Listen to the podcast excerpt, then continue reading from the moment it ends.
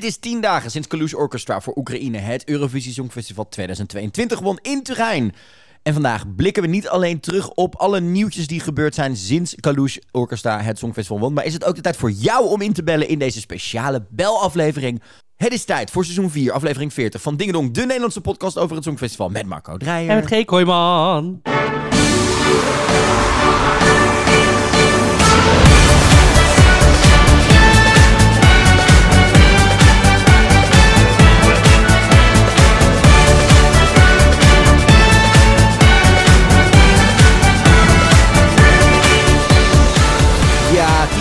Geleden waren we nog in Turijn. Kwam de confetti naar beneden. Terwijl Stefania klonk van Kalush Orchestra daar in Paolo Olimpico. En tien dagen later zitten we hier weer voor Dingedong, de Nederlandse podcast over het Songfestival met Marco Dreyer. En met G. Kooijman. Marco, de zon schijnt. Het wordt een hysterische aflevering, nu al. Ik hoop het. We zijn zo benieuwd wat er vandaag gaat gebeuren. Ten eerste hebben we zo direct even een aantal nieuwtjes en dingen die we met je willen doorspreken. En dan over een half uurtje is het zover. Zetten wij die speciale hotline open. En dan gaan we gewoon eens kijken wie er gaat bellen, Marco. We hebben in ieder geval wat voice notes binnen gehad die we kunnen gaan beantwoorden. Ja. Waar we iets mee kunnen. En we zijn gewoon benieuwd. Wie gaat er bellen, wie gaat er niet bellen? Heb, heb je nog speciale gasten geregeld? Ik heb niemand geregeld. Ik, Ik, heb, ik, ik had het aan Sineke gevraagd, maar die kon niet. Die is op zoek naar die wijn nog steeds. Dat ook, onder andere in Turijn, in dat park. Kan het niet vinden. In Turijn. Maar er is eh, genoeg gebeurd bij het Songfestival, dus we hebben genoeg om eh, te bespreken natuurlijk. Eh, vergeet ook niet, je kan ons nog steeds een rating geven op Spotify, op Apple Podcast. Zo kunnen nog veel meer Songfestival ons, fans ons vinden. En dat kan nog hierna twee weekjes minimaal, want op, eh 7, ju- op 8 juni verschijnt in ieder geval de laatste normale podcast van dit seizoen. Hè? Want onze zomerstop komt er ook weer aan.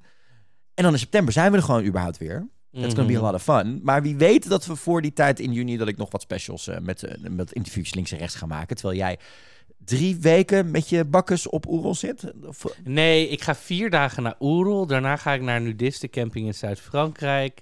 Ik heb nog misschien samen met Alvan, of niet? met Alvan. Oh, dan ehm, nog... eh, nee, ik ga dus eh, uittesten voor die camping hoe het is om naakt te kamperen. Dus dat is mega... Love it. En ik moet... Er, er is afspraken over hoeveel foto's ik moet posten. Dus hou dat in de gaten. I don't know. Heb je dus, erv- ben je wel eens op een nudistencamping geweest? Stuur Marco dus op de.cultuurvlogger op Instagram. Gewoon Nee, eens het is een geen cultuurvlogger. Het is, dit is een Marco Dreyer exclusive. Oh, nou, eh, de- stuur ze dan lekker naar Marco Dreyer. Heb je dus ervaring met de di- nudistencamping? Ik bedoel, ik heb, hem, ik heb ze namelijk niet, dus ik kan je niet van adviezen voorzien. Maar heb je dat dus wel? Stuur Marco eens een DM'tje, want volgens mij ben jij heel benieuwd, toch? Het is jouw eerste keer. Ik ben heel benieuwd. En eh, ja, ik ga met de fotograaf ook op stap. Dus dit worden sowieso goede foto's. Maar ik ben gewoon heel benieuwd of, hoe... En, en we gaan weer met de trein. Dus ik...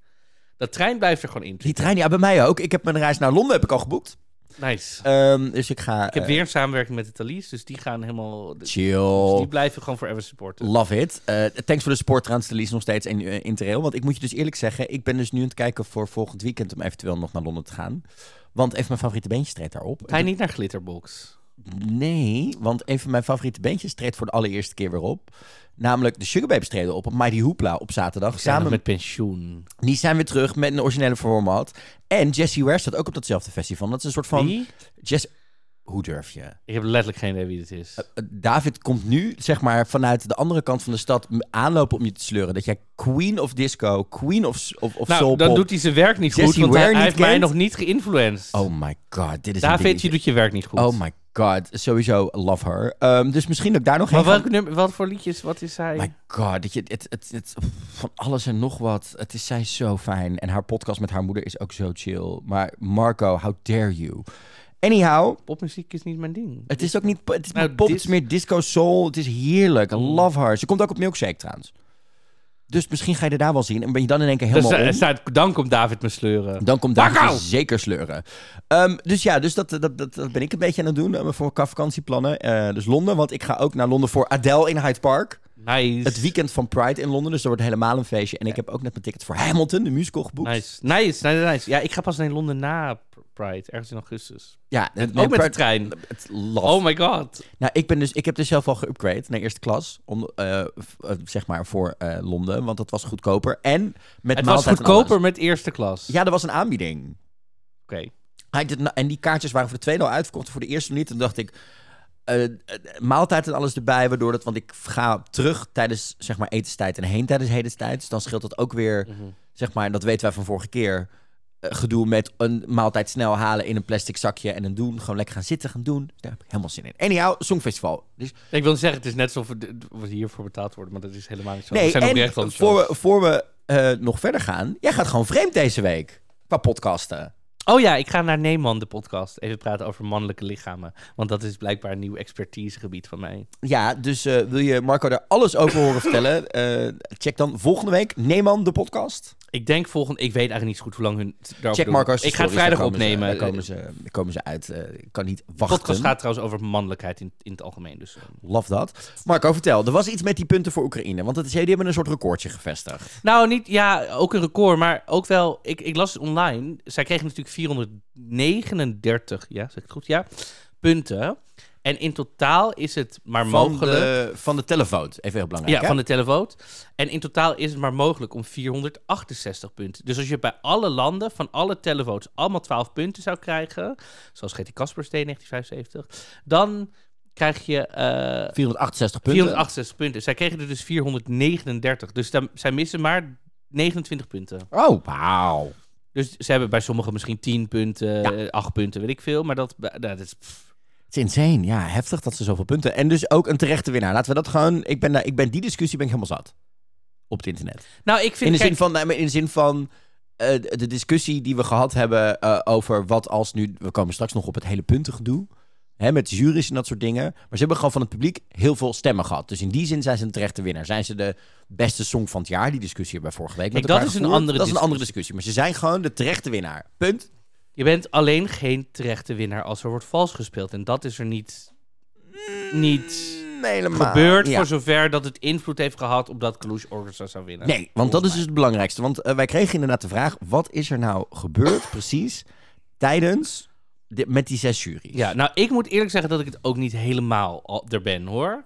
Ik heb zoveel Ik dingen voorbij zien Ook komen. nog niet helemaal. En dat heeft er ook mee te maken met het feit dat zeker drie van deze zes omroepen zwaar bezig zijn met een soort van: ik ga bij AZ niet gewoest, eh, we weten niet waar dit over gaat en dat soort dingen. Nou, de- en er is één land, weet ik, Roemenië, die op dit moment, terwijl we aan het opnemen zijn, volgens mij samen aan het komen is van het stemmen of zij volgend jaar überhaupt... Ja, ze hebben ook een, een publieke opiniepoll gedaan Ja. op hun website. Daar kun je ook stemmen. Het, het ding is alleen, daar kon je vanuit het buitenland ook op stemmen. Dus heel Oh. veel Songfestivalfans hebben Ja. op ja gestemd. Zo van, blijf er gewoon bij, jongens. Nee, ik weet dat zij nu aan het Overleg sa- zijn. overleg Ja. zijn of zij volgend jaar, volgens mij weten we dat echt morgen of zo. Of in ieder geval, dan komt er een statement van nou... We gaan het wel of niet doen. Dat is, kijk, er speelt natuurlijk heel veel dit jaar. Er speelt ten eerste spelen deze jurystemmen, hè, eh, want daar is redelijk veel gebeurd. En is er oprecht ook wel terechte kritiek dat er dingen niet duidelijk zijn gecommuniceerd door de EBU. Richting deze landen, maar ook richting de kijker. Het punt van dit jaar, Communicatie. communicatie. Dus dat is één. Ten tweede speelt er natuurlijk het feit dat landen in veel gevallen al niet heel eh, amused waren naar wat er zich allemaal in Turijn heeft afgespeeld. Qua decor, visuals, budgetten, et cetera, eerlijkheid, dat soort dingen. Dus sommige landen zitten, zaten al op een, zeg maar, heet kolen wat dat betreft van... Er speelt heel veel. En het is natuurlijk ook nog weer eens een keer zo. Ze willen aan de andere kant allemaal een soort van... eh, ja, wat gaat volgend jaar brengen? Welke regels die nu, nu pandemie echt op zijn einde loopt. Ehm, hè? Als er geen nieuwe Nee, aankomt. gaan we het niet over hebben. Do not even want to go there Luister, today. zo begonnen we ook met corona en opeens... Luister, dus- ik wil het er niet over hebben. Ja, maar zo begonnen we ook met corona. Ik wil het er wel over hebben. Ik wil het er niet over hebben, niet in deze podcast. Na deze podcast kunnen we er prima een uurtje nog over discussiëren. Anyhow, ehm, dus er speelt van alles. En daarin bij moeten we constant ook nog steeds dus in acht nemen. Wat ik je net al vertel, is het feit dat die landen er ontzettend bij gebaat zijn om hardop te zeggen dat het niet zo is. Dat, dat wat de EBU zegt dat er gebeurd is, dat dat niet klopt. Ook om hun juryleden, waar ze vaak banden mee hebben, te beschermen, dat soort dingen. En- Of omdat ze gewoon, hè, net als een kind die betrapt wordt in de snoeppot. Ik heb het niet gedaan, ik weet niet wat het over gaat. Wat is er nou aan de hand? Zes nationale juries worden ervan beschuldigd dat ze stemmen hebben ehm, uitgewisseld. Dit kwam binnen op zaterdagavond tijdens de eh, jurytelling. Tijdens de jurypunten. Maar wat Oké, uitgewisseld. Wat de- dus aan elkaar beloven als ik op jou stem, stem jij op mij. Is dat, Dat een is beetje, wat het vermoeden is. Namelijk, het gaat om Azerbeidzjan, Georgië, Montenegro, Polen, Roemenië en San Marino. Waar het mee te maken heeft, is namelijk de observatie door de EBU en door hun onafhankelijke notaris is gedaan, dat zij vijf van de andere juries in hun top vijf hadden staan. Eén jury stemde zelfs voor de, eh, dezelfde vijf landen in de top 6. En die laatste van die zes juries plaatste er vier in. In de top 4 en dan de andere twee en dan nummer 5 in de top 7. Het rare is, is dat dit patroon van het feit dat die vijf, zes landen elke keer bovenin eindigden bij deze juries, is raar, omdat in de andere 15 landen die mochten stemmen in de tweede halve finale, kwamen deze landen steeds buiten de, eh, de, de top 8 terecht, snap je? Dus 15 landen hadden deze zes landen niet in hun top 8 staan. En die andere juist wel. En bij deze zes stonden ze, hebben ze elkaar allemaal in de top 5 gezet bijna. ja. En dat is waarom er gedacht werd, hè, maar dit klopt niet. Hier gebeurt iets raars. Als je dus vijf landen of zes landen hebt die het wel doen, die toevallig elkaar allemaal erin zetten, terwijl die zes landen niet voorkomen in de top 8 van 15 andere landen die ook mee mochten stemmen in die halve finale. Dat is de EBU opgevallen. Daarin zijn ze naar gaan kijken. Ja, en die, je, hebt, je hebt van die, hoe noem je dat, van die eh, auteurs erbij. Zo'n bedrijf, noem je het? Van Ja, die, eh, eh, notarissen, notarissen, andere dat dingen. En dus nog opvallender, vier van deze zes landen stonden bij de andere 15 landen die dus meestemden, zelfs in de laagste zes. Oké. Kortom, dat is dus een redelijk verschil van mening. Hè? Ik bedoel, je kan redelijk zien dat bepaalde landen beter of slechter scoren. Maar als Mhm. 15 landen zeggen, dit zit bij de slechtste zes. En bij, de, bij vijf landen die allemaal elkaar die punten gunnen, zitten ze in één keer in de top vijf. Dat is vreemd. Dat is Ja. apart. Dat is iets, daar, daar valt iets op. Nou, daar zijn ze dus naar gaan kijken. En daarin hebben ze gezegd, dan mogen we deze stemmen eruit halen. En wat we dan doen, is dan krijg je, dan bouwen wij gebaseerd op wat de landen om jou heen stemmen en wat je in de Met vorige hetzelfde stempatroon. met hetzelfde stempatroon Mhm. ehm, bouwen wij een nieuw resultaat voor je op. Dat is ding 1. Maar wat er dus gebeurd is, is dat het dus daarna ehm, gebeurd is dat zij dus ook die juries niet mochten stemmen voor de finale. Alleen dat zijn die juries nooit verteld. Die juries van deze zes landen hebben gewoon op zaterdagavond Met een formuliertje met een gezeten. formuliertje en een notaris gezeten in een Vrijdagavond. eh, Ja, ja. eh, op vrijdagavond respectievelijke landen. En die zijn toen ingestuurd. En daarom is het dus, dat is dus wat er eigenlijk aan de hand is. Niet alleen is de kritiek, hè, dit resultaat klopte niet. En waarom horen wij dit pas? Want dit is op woensdagavond gebeurd. Laten we het daarop houden. Woensdagavond is de jury show geweest van de Ja. tweede halve finale. Ja, dus dan worden die op donderdag die resultaten... Nou ja, op woensdagnacht al. Dus op donderdagochtend zal er een meeting Ja. over geweest zijn van... joh, er valt hier iets raars op. Maar toch hebben ze deze juries op vrijdagavond nog laten stemmen. En pas op zaterdagavond, tijdens dat de jurypunten werden uitgereikt... is dit aan hun gecommuniceerd in een aantal gevallen. Zover wij kunnen begrijpen vanuit de reacties van de omroepen... is ze dit verteld ongeveer een half uur voordat ze met de jurypunten begonnen. Dan is het zelf de omroep geweest om dat dan door te laten sijpelen naar degene hè, met wat er gebeurde. Eh, zoals we zagen in een filmpje volgens mij inderdaad Roemenië voorbij komen, waarin zij het op dat moment pas hoorden. Dat kan, Omdat er, die connectie er niet was. dat, dat kan er dus in sommige gevallen mee te maken hebben dat ze dan één iemand hebben laten weten die verantwoordelijk is, de head of delegation. En die moet het dan, maar die head of delegation zit in, De green room. in de green room. Ja. Maar dan wordt het meestal, niet op zijn het- mail, Het wordt meestal ook nog, wat ik begrijp, aan iemand van de omroep verteld. Die dus in het land zelf aanwezig is. Want er staat natuurlijk een, een meeste gevallen een groen schermpje, zeg maar. Hè, waar een presentatrice voor staat of een presentator. Die is het ook verteld. En dan hangt het er dus vanaf hoe snel zijpelt dat door. En in het geval van Roemenië is dat schijnbaar niet snel genoeg doorgecijpeld. Nee, maar ja, dus zullen ook... Ik bedoel, ik weet dan van de Afro-Trolls dat op zo'n songfestivalavond zit niet echt iedereen in zijn telefoon, in zijn mail. maar, nou, Of, weet je wel, ik bedoel, is, ik snap wel dat het even dat, kan duren. Dat, dat is ding, dus ding 2. Daarnaast is er natuurlijk de kritiek dat deze landen, of in ieder geval op tv is gezegd, we gaan niet naar deze landen vanwege het feit dat er technische issues zijn. ja. Dus is er eigenlijk een beetje tegen de kijker gelogen. ja, en want er is Want- gezegd, we hebben een correct eh Nou, er, stemming. is, er is een correcte uitslag, Ja. dat klopt. Want er zijn, die nieuwe resultaten zijn toegevoegd en daarom is er een correct resultaat. Ook omdat het correcte resultaat besluit niet alleen hebben we van iedereen de jurypunten binnen, maar is er ook niet gesjoemeld en hebben we een correcte televote-uitslag binnengekregen, waarin we niks hè, hebben meegekregen wat er klopt. Dus in die zin, dat statement klopt. De vraag is dus, we hebben technische problemen. Dat is een beetje waar het in veel gevallen niet alleen om hangt, maar ook dus de, de laatheid van communicatie en dat soort dingen. Daarnaast is er nog namelijk een kritiekje. Het kritiek is namelijk ook dat er eh, door een aantal landen is opgemerkt dat ehm, de stemmen zijn naar een aantal landen gegaan die daar op dit moment best wel, zeg maar, die er goed voor stonden. Onder andere ehm, Spanje, Engeland.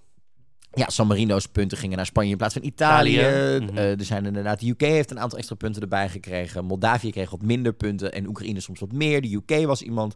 Maar dat heeft te maken met dat de landen daaromheen veel telefoons of veel stemmen naartoe brachten. Dat is niet alleen dat. Er was ook een dingetje met het feit dat volgens mij Of tenminste in ieder geval Australië, kreeg best wel veel punten van omliggende van heel veel landen. ehm, in die tweede halve finale. Omliggende landen. Of, nou, van, van, een- van deze zes landen. Snap je? Dus niet Australië van omliggende landen, maar van de zes juries die er Oh, uitgehaald zijn, dan kreeg Australië heel veel punten. Toen zijn deze zes landen, ja, maar waarom valt dat dan niet op? En daar heeft de EBU van gezegd, dat is heel duidelijk, want Australië scoorde bij iedereen, bij alle juries heel hoog. Mhm. Van alle twintig landen die mochten meestemmen in de tweede halve finale. Dus dat is niet opvallend. Dus daarom, hè, dat, dat was iets waar, zeg maar, nou, wederom als je, zeg maar, met je tengels wordt aangevallen, of met je tengels wordt betrapt in een snoeppot, dan ga je gelijk, ja, maar hij deed het ook. En dat is dus wat die landen ook een beetje proberen. Maar dat, werkt, dat gaat in dit geval niet op, omdat de landen waar ze kritiek op hebben van, maar die hebben hoog, ook hoog gescoord en zijn ook in heel veel top 5 beland door veel landen. Dat komt omdat ze eigenlijk bij alle 20 landen eh, heel erg hoog scoren. Dus was dat niet een opvallend resultaat. Nou, dat is dus wat er aan de hand is. De EBU heeft er van de week een persbericht uitgestuurd waarin ze dit dus allemaal verduidelijkt hebben. En wat even heel belangrijk is om te- de conclusie is, als, want we hebben van een aantal landen niet allemaal, volgens mij vijf van de zes op dit moment, de originele jurypunten toch nog gezien. Het zou geen invloed hebben gehad op welke tien landen er gekwalificeerd hebben. Als je de originele punten meeneemt. Dus dat scheelt in ieder geval. Het heeft nergens.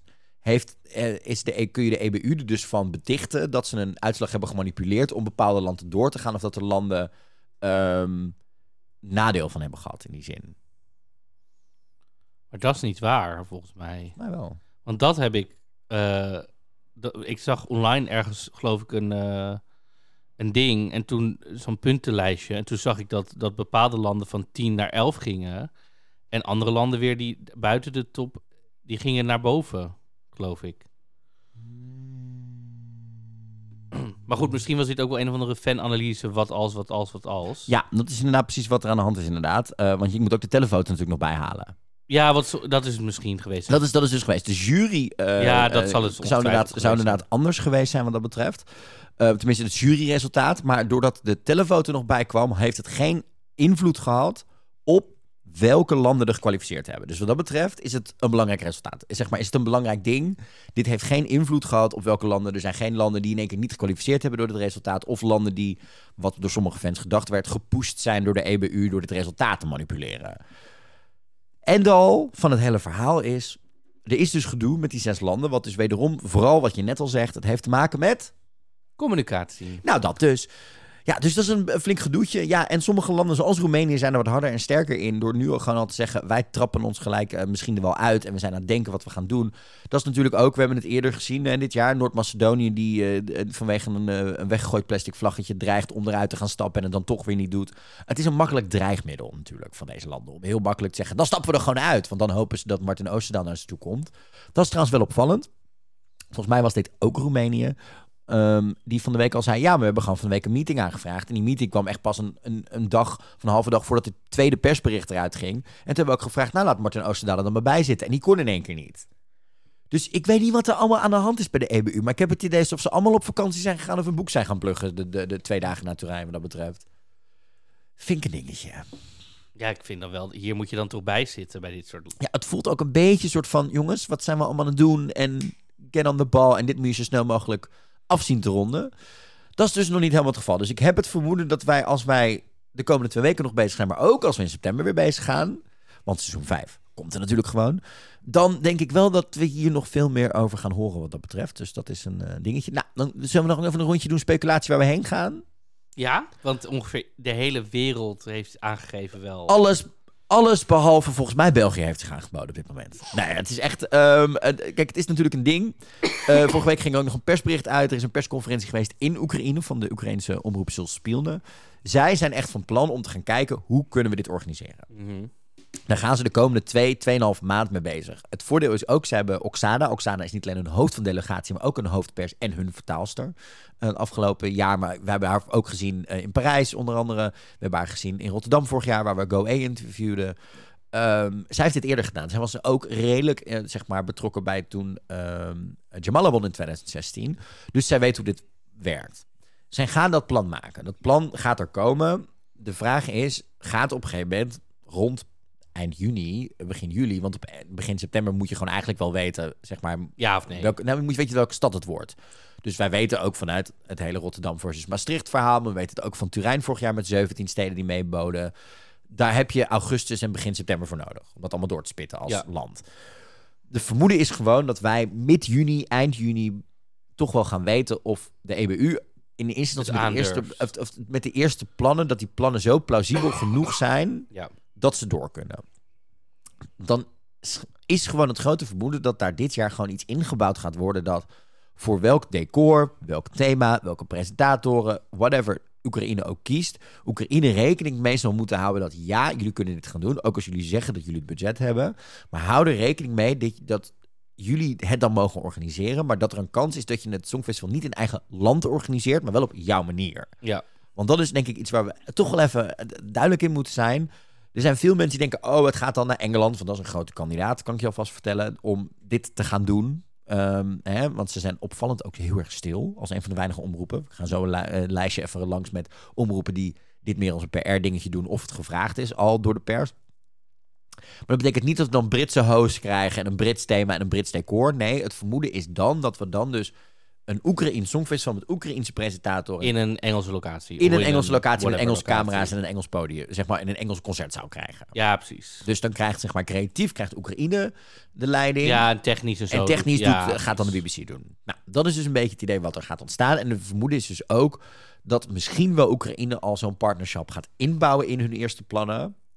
Mhm. En dat gaat presenteren. Nou, dat is kant één van het verhaal. De andere kant is, elke burgemeester en eh, bijna iedereen is hiernaar gevraagd. Een aantal landen zijn zo, vind ik toch wel een beetje onbeschoft geweest... om het al vanaf twee weken voordat het Songfestival voor de finale plaatsvond... Al te zeggen. al te zeggen, looking at you, Het is, trouwens, het is trouwens niet eh, de eerste keer dat dit gebeurt. Hè, trouwens. Het is in 1956 ook een keer gebeurd. In 1959, in 1962, in 1971, in 1973 en zelfs in 1979 toen wij het organiseerden in 1980 in Den Haag. In plaats Kortom. van Israël. Dus wij hebben het zelf ook een keer op ons genomen. Inderdaad. En wij zijn het ook gevraagd door de pers. Dus het is niet dat we dit zelf hebben aangeboden. Maar Afghan heeft gezegd, mocht Oekraïne ons vragen, willen we graag helpen. Ja. Dat is het enige wat ze gezegd hebben. De NOS en de Avotros hebben dat Ja, allebei. dat is, eh, maar dat is gewoon, heeft gewoon de journalisten opgebeld en gevraagd. Nou, Turijn heeft het aangeboden. ja, Italië ook, gewoon in general. Ja, maar Turijn heeft het ook alweer aangeboden. Ja. Ik zeg, Nee. ik gun het die bewoners. Nee. Maar ik denk dat het voor alles en iedereen beter is als we dat niet nee, gaan nee, doen. nee, nee, nee, nee. Ik denk dat we... No, love it, but no. Eh, Polen heeft schijnbaar publiekelijk ja gezegd. Maar wij hoorden, of eh, in ieder geval de avond van het Songfestival zelf al... dat intern de omroepdirecteur van Polen van TVP zei... nou, we gaan het allemaal niet doen. Plus die Polen zijn nog steeds best wel zuur over het feit... dat ze nul jurypunten kregen van de Oekraïense jury. Wat ik trouwens nog een mooie uitleg vond. Want de Oekraïnse jury heeft er dus op gereageerd, hè Marco. Die hebben gewoon gezegd, luister, hoe dit werkt is... wij moeten in de finale de tien beste landen, de tien beste nummers punten geven. Ja. Het zijn, het zijn gewoon 25 nummers in die finale. Je zat er gewoon niet tussen. Jullie hadden gewoon niet een van de tien beste nummers. En dan gaan we dat niet meer punten geven omdat jullie uit Polen komen. ja, maar dat vind ik... Toen dacht ik, work bitch, that's the way this fucking works. Nou, Glasgow eh, is een naam die veel genoemd wordt voor eh, UK. In de Hydro. In de Hydro. ehm, maar ook Manchester wordt vaak genoemd, wat dat betreft. Nou, Stockholm heeft het natuurlijk al aangeboden. IJsland heeft het al aangeboden. Spanje heeft het al aangeboden, inclusief Benidorm en Madrid. Dus kortom, Ja. en IJsland heeft überhaupt blijkbaar ook gezegd... ook als bijvoorbeeld Australië een keer zou winnen... hebben zij zich ook al opgegeven voor het mag bij ons. ja, en die hebben dus schijnbaar al een, ver- een verbondje Ja, onderling. ja. Dus SBS, eh, de, de, de Australische SBS, zonder Johan Derksen, godzijdank, die eh, krijgen het voor elkaar om eh, inderdaad. Dus dan gaan we naar IJsland. Ook Ja. lekker. Lekker met lekker in zo'n gletsjer zitten En- met z'n tweeën bij podcasten. Ik hou er wel van, En waar, die, die OVO in Glasgow is wel bijzonder, toch? Want die, die hebben hun hele agenda in mei helemaal leeg. Dus Ja. er staan allemaal concerten. April, juni, helemaal zo. Maar die maand mei is om de een of andere reden bij hun leeg. Ja, ik denk dat zij die leeggehouden hebben op het moment dat ze doorkregen dat Sam Ryder heel goed ging. Ah. Ehm, omdat je het toch wel misschien wel wil gaan doen. En natuurlijk de OVO uit eh, Glasgow is ook de venue, de nep venue in de Songfestivalfilm. Hoewel de film zich afspeelt in Edinburgh, hebben ze dan de concertzaal uit Glasgow gepakt. Ja. Movie magic. Moet helemaal kunnen. dat. Ah. Dan nog even naar de kijkcijfers, Marco. Daar heb jij eh, even naar gekeken. Ja, Cakesavers. Want ze waren er vandaag in één keer. Ja, nou ja, ik kon In- alleen... inclusief de social media eh, statistieken. Ja. Maar ja, daar weten we allemaal van. Daar kan wel eens zeg maar mee gesjoemeld worden. Ja. Jij, jij doet het niet op je social media, maar grote bedrijven zijn er toch wel wat, hè? Het is, zo, het is zo doorzichtig. Dat is zo... Nou ja, goed. We gaan, ik heb zo één Kan ik een andere ik heb zo'n statistiek waar ik het even met je over wil hebben wat dat betreft. Nou goed, in totaal, vorig jaar hadden wij 183 miljoen kijkers. Dat is dan alles, hè? Alle shows, online, terugkijken, online, eh, op tv, meteen ja, daarom krijgen we de Songfestival, de kijkcijfers ook nu pas, omdat in de meeste landen wordt de plus 7 erbij Ja, gerekend. zeven dagen. Zeven opslaan dagen, en terug. Oké. Eh, dit jaar zijn het er 161 miljoen. Dat is zo 22 eh, miljoen minder en 12% minder. Nou, dat heeft twee dingen die we er even bij moeten vermelden.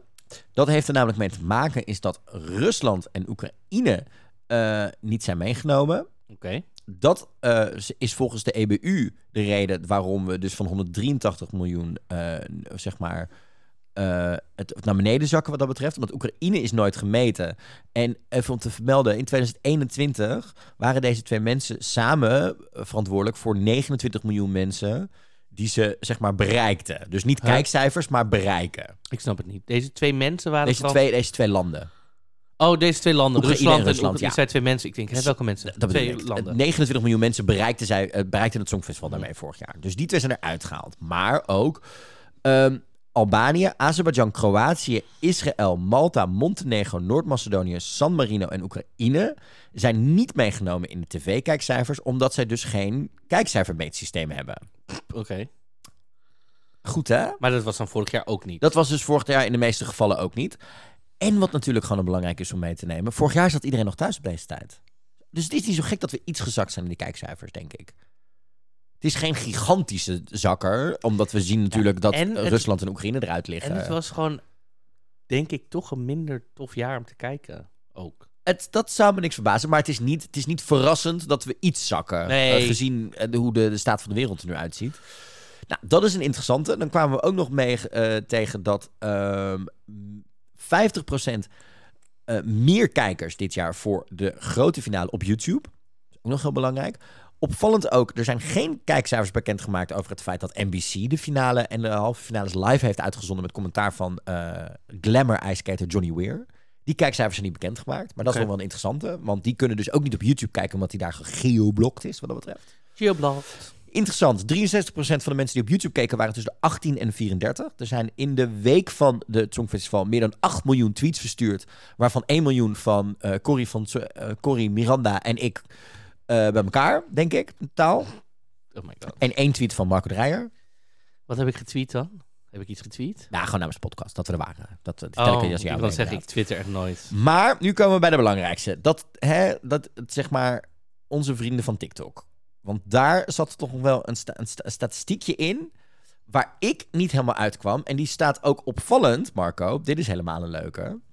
Die staat namelijk niet in de ehm, officiële. eh, hoe heet het?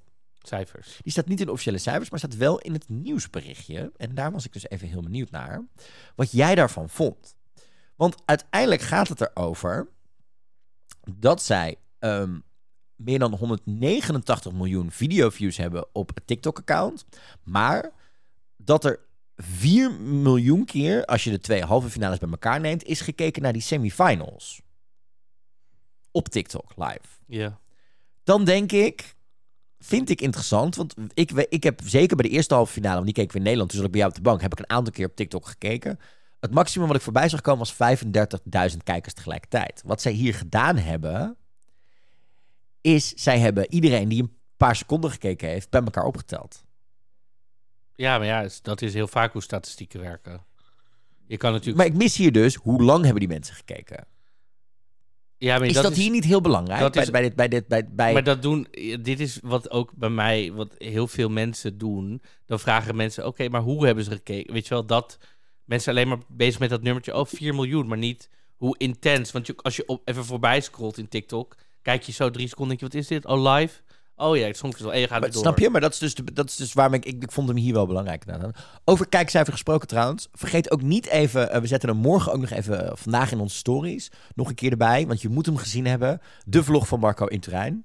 Als ik die ooit op Instagram krijg. Nee, maar hij staat toch gewoon op YouTube? Hij staat sowieso op YouTube. Want dan kun je hem gewoon lekker op je tv kijken. Want hij is een uur lang. En geloof me, ik had de helft dus niet gezien. Omdat hè, eh, ik zat in het perscentrum. Jij was musea aan het bezoeken. Of aan het wachten op een tram op de, in de goede richting. En dat soort dingen. Dus ik vond het ontzettend leuk om te zien. Want jij hebt me wel een aantal dingen over verteld over die musea. Maar om nu je avonturen echt te zien, waren heel erg leuk. Dus check hem. Hij staat op de Cultuurvlogger op YouTube. Yes. We zetten morgen nog even een linkje in de stories. Want dit moet je gezien hebben. Ook om eh, mee te krijgen wat wij nou vinden van oudere dames in een trein zonder mondkapje. Op het moment dat het nog verplicht is. En wat Marco vond. En we hebben de Italiaanse act van volgend jaar al door de straten zien banjeren. Dat. En wat Marco vond van mijn eerbetoon. aan Een van de beste televisiekarakters ooit op een t-shirt. Wat Marco niet vond kunnen in zo'n modeland Nou, Italië. En je ziet mijn reactie van de winnaars. hè. Ja, Dat is ook een eh, dingetje. Ja, mijne stond het, komt natuurlijk nog op een highlight op Insta te staan. Die, was in het, die mocht er niet tussen, want die is natuurlijk in portretformaat en dat past niet in je vlog. Dus ik snap dat helemaal wat dat betreft. Maar ik vond het ook leuk om jouw reactie dus nu te zien. Maar dit was dus de kijkcijfers wat dat betreft. In, eh, wel nog opvallend, meest bekeken was de UK. Ja, die hebben dus de, de, het beste televisie. Dat was de, in de UK was het het best bekeken televisieprogramma van dit jaar tot nu Ja, toe. insane. Het is echt insane. Hij is eh, Sam Ryder trouwens binnengekomen op twee in de ene officiële top 40 en op één op de andere top 40. Ehm, de Melkweg is uitverkocht, maar ik hoor dat er een mogelijkheid is dat ze gaan upgraden. En er is ook nog eens een keer allemaal merch uitgekomen eh, deze week van Sam Ryder. En zijn concerten zijn uitverkocht. En die man gaat gewoon optreden voor de koningin. Want er komt een feestweekend aan, want ze is zoveel jaar oud. En ze zit nee, zoveel... ze zit zoveel jaar op de troon. Oh, Nee, het is gecombineerd. het is Het gecombineerd. is gecombineerd. Dus en de verjaardag en het feit dat ze zoveel jaar op de troon zit. De Grand Jubilee komt eraan. Eh, de, de- Londen hangt helemaal vol met vlaggen en ja, feesten. het wordt volgens mij ook echt een Iedereen is vrij. ook, Iedereen is vrij. Ze heeft net een nieuwe metrolijn naar de vernoemd Nou, gekregen die vandaag open gaat. En Maar Sam Ryder staat daar gewoon is tussen. het, is het zo, dat hoorde ik volgens mij van een vriendin van mij. Volgens mij willen ze er een vaste vrije dag van maken. Ja, love it voor die meiden daar. Hebben ze eindelijk een soort koninginnedag I know. daar. Maar Sam Ryder staat dus tussen Queen, eh, ik zeg maar andere Adam Lambert en Queen openen. Adam Lambert en Queen staan er. Maar Adam eh, staat er. Justin Bieber staat er. Allemaal Wie? grote namen. Eh, Queen en Adam Lambert. Oh my god. Net hetzelfde als best Rampapam. Mijn schat.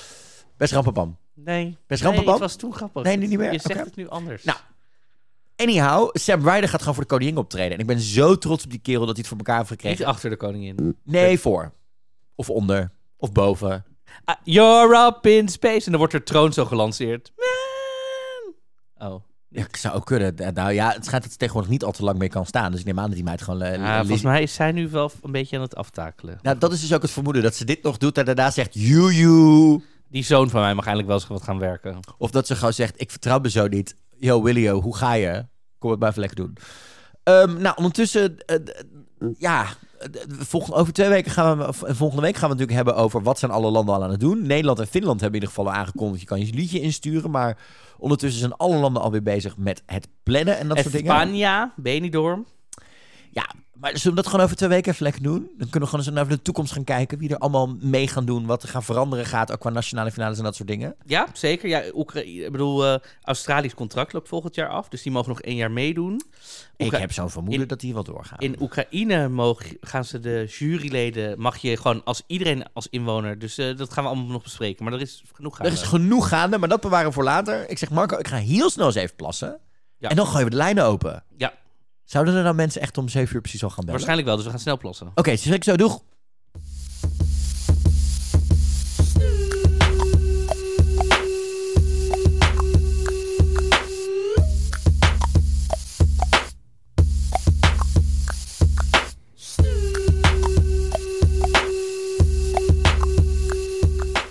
Marco, daar gaan we. De eerste.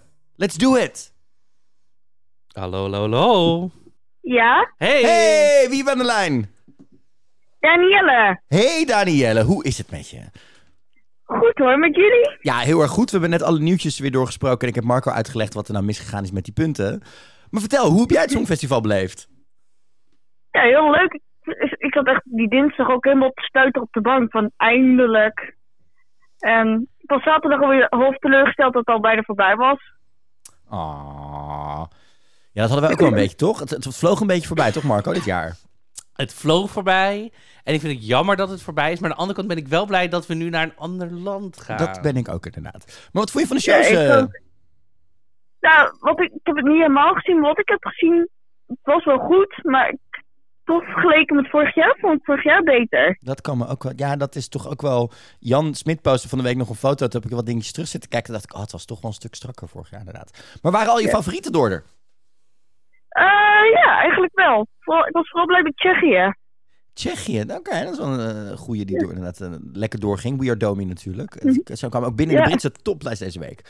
Ja, superleuk. Dat lekker. Ja, het blijft, het blijft een feestje om naar te luisteren. Maar had je nog een goede Ja. vraag? Of wil je nog wat vertellen aan ons? Nou, vorig jaar hadden het jullie over de Mama Appelsap Award. Is daar nog iets mee gebeurd? De goede vraag dat je dit stelt. Het is inderdaad de, de Angela Pediceri eh eh met dikke titel. We zijn er mee bezig om die in de laatste aflevering van dit jaar, die is over twee weken, gaan we die toch eens proberen uit te Mhm. reiken. We zitten, we zitten- heb, je een, heb, je een, heb je er eentje tussen zitten waarvan je denkt, Nou, ik heb er zelf nog niks in kunnen horen, maar ik dacht misschien dat jullie een paar goeie hadden. Marco, Even denken, welke... Wacht. Ik zit... ehm, nou, er zit er sowieso in... Wacht, in Albanië, wi- bij Ronela zit er... Zit zitten er er wat rare ehm, dingen in? Oh. Nou, ik kwam van de week een TikTok tegen van iemand die eh Nederlandse vertaling had, of Nederlandse mama appelsapjes had gemaakt van Constructa. Die was wat schullig. Oh, Constructa natuurlijk. We hebben sowieso een beetje drama. Die zit erin, maar, Beetje maar die, dra- had, die, Ja. had, die had er wat, wat schunnigers uit, uitgehaald. Die bewaar ik even voor over twee weken. Oh. Wat ik misschien even moet nadenken of we die op de podcast kunnen doen. Dus daar vond ik wel een paar goede in zitten. Ehm, er zaten volgens mij ook nog wel één of twee goede in. ehm, eh, God, in het, in het Kroatische stukje van Mia Dimsik. Oké. Oh ja, dat had ik nog niet gehoord. Dat lag dan bed. Het, nou, het, het, het- het snap ik. Of je was in slaap gevallen bij haar. Maar dat had ook nog wel gekund Ja. wat dat betreft. Maar we zijn er dus mee bezig. De, de, de Angela. Peristeri Award wordt zeker uitgereikt dit jaar. Ehm, dus dit is ook een oproep aan de luisteraars. Heb je een goede mama appelsap gehoord in een van de 40 liedjes dit jaar? Eh, laat het ons weten. Dan eh, nemen we die zeker mee. Dan eh, gaan we hier iets mee doen. Marco zit ondertussen echt zo van... Oh, wat hebben we ons nu weer op onze hals gehaald? Ja, maar ik zit ook... Want er zijn wel een aantal... Want ik hoor ze meestal wel. Er zijn wel een aantal... Ik moet weer even terugleiden, maar dat komt wel goed. Oh, in Italië zit er volgens mij ook... Ja, nee, dat komt goed. Dit komt, Komt goed. dit, goed. Danielle, we gaan hier zeker mee aan de slag. Superleuk dat je even belde. Eh, blijf Ja. lekker luisteren. En We zijn Ja. er nog twee weken. En volgend seizoen gewoon weer. Yay! Dankjewel voor je belletje. Doei joe. Doei. Nou, dat was gelijk een enthousiaste eerste binnenkomen wat dat betreft, toch? Ze belden meteen om 7 uur. Hoppa, knal door met die hap. Ik ben heel benieuwd of er nog meer mensen gaan bellen. Nou, mag ik wel, want nu we het toch over taal hebben, misschien is dit wel leuk, want naast het Songfestival is er nog een Europees Songfestival, een ander liedjesfestijn, zeg Mhm. maar. Van Nederlandse bodem kwam ik vandaag achter. Ik was even aan het zoeken. Ik, ik weet eigenlijk niet hoe ik hierop kwam, maar ik, ik kwam hier opeens bij. Er, om, oh ja, dit was het. Het ging over Frankrijk en omdat ze natuurlijk in het Bretons zongen. Ja. Er is dus een ander songfestival, liedjesfestijn, dat heet Lied Internationaal. En lied is ook, het komt uit het Fries. Want het, eh, het, en het is dus een Fries festijn. Dat is, sinds 2002, 2002 vindt het jaarlijks plaats. Mhm. En het is dus een liedjesfestijn wat door heel Europa plaatsvindt. En dat is gewoon hetzelfde concept. Dus wie wint, organiseert het enzovoort. En dat gaat dus over voor eh, mensen die zingen in eh, dialecten, zeg Oeh, maar. Dus je mag alleen meedoen als je in dialect zingt. Dus Fries heeft, wel, die heeft het als eerst georganiseerd. En daar komt het vandaan. Maar die hebben ook al een keer gewonnen. Schots, Iers, allemaal eh, Baltische, weet ik veel. Dus Wat cool. ja, best wel cool. Het heet Lied Internationaal. En ik... ik, ik Lied met een T, toch ook? Lied met een T. Ja, Lied Internationaal. En eh, ja, als je regionale taal hebt, of minority, of whatever... dan uh, ze willen die, die dialecten stimuleren. Ik vond het wel tof. Ehm, Dit is wel interessant. en dat Wanneer die- is dit? eh, dit is... vol- eh, eh, weet ik even niet goed. Eh, volgens mij ook rond dezelfde... Volgens mij is het nu zelfs gaande, als ik het goed heb gelezen. Eh, maar het is dus ieder jaar. En het, begin, het begon in 2012 als een spin-off van het Friese eh, s- Songfestival.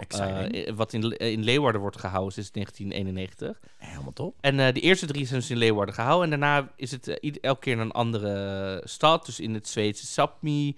Ehm, maar goed, dus het, het- het- ik vind het superleuk. Ik eh, ben helemaal enthousiast. Ja. We gaan eens even wat dieper induiken volgend seizoen. Dit lijkt me helemaal leuk. Nou, en ik had dus, want ik was dus live met een, eh, voor, voor een theaterstuk waar ik was in Friesland, eh, wat helemaal in het Fries was, was ik daarvoor een maker aan het interviewen. Toen zei ik tegen haar, wat zou je ervan vinden? Want zij komt dan uit Friesland. Ik zo, wat zou je Mhm. ervan vinden als wij een Friese inzending zouden sturen naar het Songfestival. Mhm. Bijvoorbeeld in combinatie met een, eh, ehm, met een hele vette... eh, Ja, ik ben voor ook nog steeds. Ik zou het Fries ook nog best wel mooi vinden hoor. Ik bedoel, ik vind nog steeds dingen. eh, eh, er wordt vaak genoeg over, zeg maar, grapjes over gemaakt. Maar vooral die van eh, de dingen van de kast. Staat er echt mooie dingen tussen die echt zouden kunnen werken wat dat betreft. Dus eh zou ook nog wel kunnen, dus wat dat betreft. hey, we hebben ook binnen Instagram en via onze voice notes wat dingen binnen gehad. Zullen we er anders gewoon eerst even eentje doen? Volgens mij heeft Tom ons een berichtje gestuurd. Met Tom hier. Wat ontzettend leuk dat er eindelijk een inbel-aflevering is. Ik eh, hoopte hier al heel lang op en ik ben heel blij dat we eindelijk al onze meningen kunnen sturen richting jullie. Eh, dus ik probeer me in te houden, niet alles op jullie af te sturen. Ehm, en eigenlijk mijn belangrijkste vraag voor jullie is: we hebben, Nederland heeft Anouk gehad, nu heeft de UK Sam Ryder. Welk land wat de afgelopen jaren enorm aan het floppen is, gunnen jullie hun eigen Anouk ofwel Sam Ryder moment? Ik ben wel benieuwd. Groetjes.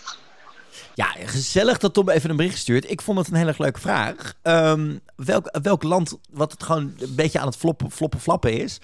Nou, ik heb dus vandaag toevallig een filmpje zitten kijken van de, de acht landen die het het slechtst doen de afgelopen, over de afgelopen Welk, tien welke, jaar. wat, welke, welke viel je daar Nou, meest in op? De, de, drie, de top drie waren geloof ik, even kijken, moet ik goed zeggen, Andorra, San Marino, nog een ander land wat niet meer meedoet. Ja. Lux- Weet ik veel, iets.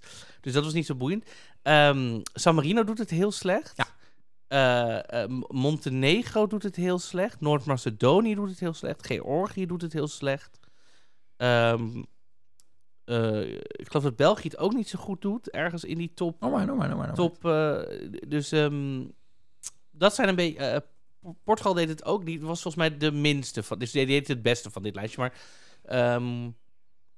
Ja, maar, dus, maar ik misschien San Marino of zo. Oké, oké, oké, oké. Maar ook ja, wat grotere landen, Montenegro of, eh, of, of Georgië volgens mij. Dan denk ik, nou, Ja, ik moet je eerlijk zeggen. ehm, ik hing er op twee. mhm. Aan de ene kant denk ik eh, toch echt wel Noord-Macedonië. Ik bedoel, we weten dat ze dit jaar met Andrea en vorig jaar met Fazil wel goede zangers stuurden. Maar dat de liedjes niet aansloegen. Dus ik denk dat zij genoeg talent hebben. Maar meer in de songselectiehoek moeten gaan zitten van... joh, wat sturen we nou echt? En is dit echt wel het beste voor deze zanger? In Ja. die zin. Eh, daar zit ik aan het denken. Maar ik zat ook toch een beetje aan België te denken. Ik bedoel, ze hebben, zijn we natuurlijk wel twee keer vierde geworden. Maar daarnaast twaalfde, tiende, toen twee keer niet kwalificeren en nu twee keer negentiende. En daar wilde ik even op inhaken, want heel interessant kwam er een mailtje binnen van Bart in onze inbox. En die stuurde een goede suggestie door voor België. Die heeft namelijk al een paar keer gehoord dat Camille Dont zou, de hond zou moeten gaan. Zij is een ijzersterke zangeres. Die won het tweede seizoen van The Masked Singer. Het eerste seizoen werd natuurlijk gevonden, gewonnen door eh, iemand die trouwens een keer het Songfestival heeft gewonnen, Marco. Sandra Kim. Wie Wist is je dat dat? ook weer? Ja, Shemme Shemme La Vie. Je weet wel van de hidden Shemme Shemme La Vie. Van je vlogjes. Ehm, Heb ik trouwens niet gedaan in de vlog dit jaar. Nee, nee, ik dat vond was... het heel ongemakkelijk om in mijn eentje in een museum hardop tegen een camera te We hadden dat gewoon binnen dat vertellen. plein moeten doen. Ja, maar ik dacht, dan ben ik... We waren moe en het was hysterisch. Joh, er komt... CML in dat paleis. Yes, and this is the throne. This is a very hidden gem. You would never see it. Ja, zeker Dat niet, omdat je krijgt persoonlijke begeleiding natuurlijk En daar. dat hij... Oh, die persoonlijke begeleiding. Ja. Anyhow, ehm, Camille de Hond werd dus eh, door Bart ook wel getipt voor België voor volgend jaar. Ze schijnt al wel gezegd te hebben Ken dat ze die... willen gaan. Ja, ze, Oh. ze heeft eh, wat lekkere dingen in het Nederlands uitgebracht. Eh, of in het Vlaams ook. Ze heeft in de talkshow van Gert Verhulst toch gezegd dat ze ook graag mee wil doen. Eh, ze haalt de uithalen en de adlibs bij Emotions van Mariah Carey. Maar het is wel een beetje te poppy en te glad misschien. Dus misschien moet er bij haar gewoon nog een goede songwriter bij... die het net even iets persoonlijker maakt. Want we weten ook een leuk... Dat bedoel, dat zagen we dit jaar bij Brooke gebeuren. Een goed glad popnummer kan je bij de fans heel ver brengen. Maar als het te weinig zegt, dan gaat het hem niet worden. Weet je, wat, weet je wat gewoon moeilijk is in België? Dat het steeds om en om is. Ja. Dus je kan niet als team aan, i- je, Iets aan werken. iets bouwen, zeg Nee. maar. Je kan niet zeggen, oké, dit jaar dus volgend jaar. Het is altijd zo, oké, dus over twee jaar... Dat haalt gewoon een beetje tempo eruit. Dat ben ik, Ik, helemaal je denk dat het een interessante, maar ik bedoel, ik ga nu niet hier als iets op, maar goed. Misschien is het een keer interessant dat ze zeggen, oké, de komende vijf jaar doen de Walen het Songfestival. En dan vijf jaar. Of, En- we, en of we maken een team van die twee samen. En dan mag het ene jaar nog steeds het organiseren. Maar er zitten mensen van allebei Ja. de- Maar goed, als dat moeilijk is, want weet ik veel wat, dan doe dan vijf om vijf. Wat zou hetzelfde zijn als dat we het in Nederland in één keer zeg maar de, de VPRO volgend jaar mee gaan doen. En we het om en om Afrotros VPRO gaan krijgen. Dan krijg je volgens mij ook twee hele verschillende kanten van het Nederlandse muziekspectrum. Dan ben je een VARA, dan de EO. Ja, dan mag in één keer zeg Omroep maar, Human. Dan mag in één keer half Omroep Nederland. Mag in één keer half, zeg maar half. Ongehoord Nederland. Nou, laat, dan, laat mij dan maar zitten. Laat Nederland dan maar ongehoord blijven wat dat betreft. Mijn stel je toch voor wat die gaan sturen. Oh my god. Jij wil, jij wil echt stoppen met dit seizoen. En je wil nu gewoon al stoppen dat ik wegloop uit deze podcast. Anyhow, eh, er was nog meer binnengekomen via onze hotline. Uit de... Want Jelle van, Jelle van Dijk had ook een voice noteje gestuurd. Jelle, kom er maar in. Hi, eh, ja, Jelle hier. Ehm, bij deze even mijn mening over dit jaar Eurovisie. Ehm, voor mij is Sam Ryder echt wel zeg maar, de persoonlijkheid die heel Eurovisie dit jaar net iets leuker heeft gemaakt. Buiten het feit dat hij heeft gewoon een goed liedje, heeft hij ook gewoon de manier waarop hij zich naar, eh, naar andere kandidaten opstelde was gewoon fantastisch. Ook hoe dat hij op Marius Beer afliep. eh, terwijl hij in tranen was omdat hij nul punten had gehaald bij de eh, public votes. Dat was gewoon fantastisch. Ja, Letland is voor mij echt het land wat stiekem eigenlijk wel naar de finale had gemoeten. Omdat die waarschijnlijk de finale net, iets, meer, net iets meer een feestje hadden gemaakt.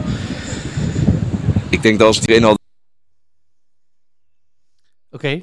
Finale iets leuker had gemaakt. En hij heeft trouwens ook in tekst geschreven. En, ehm, en hij zei ook nog...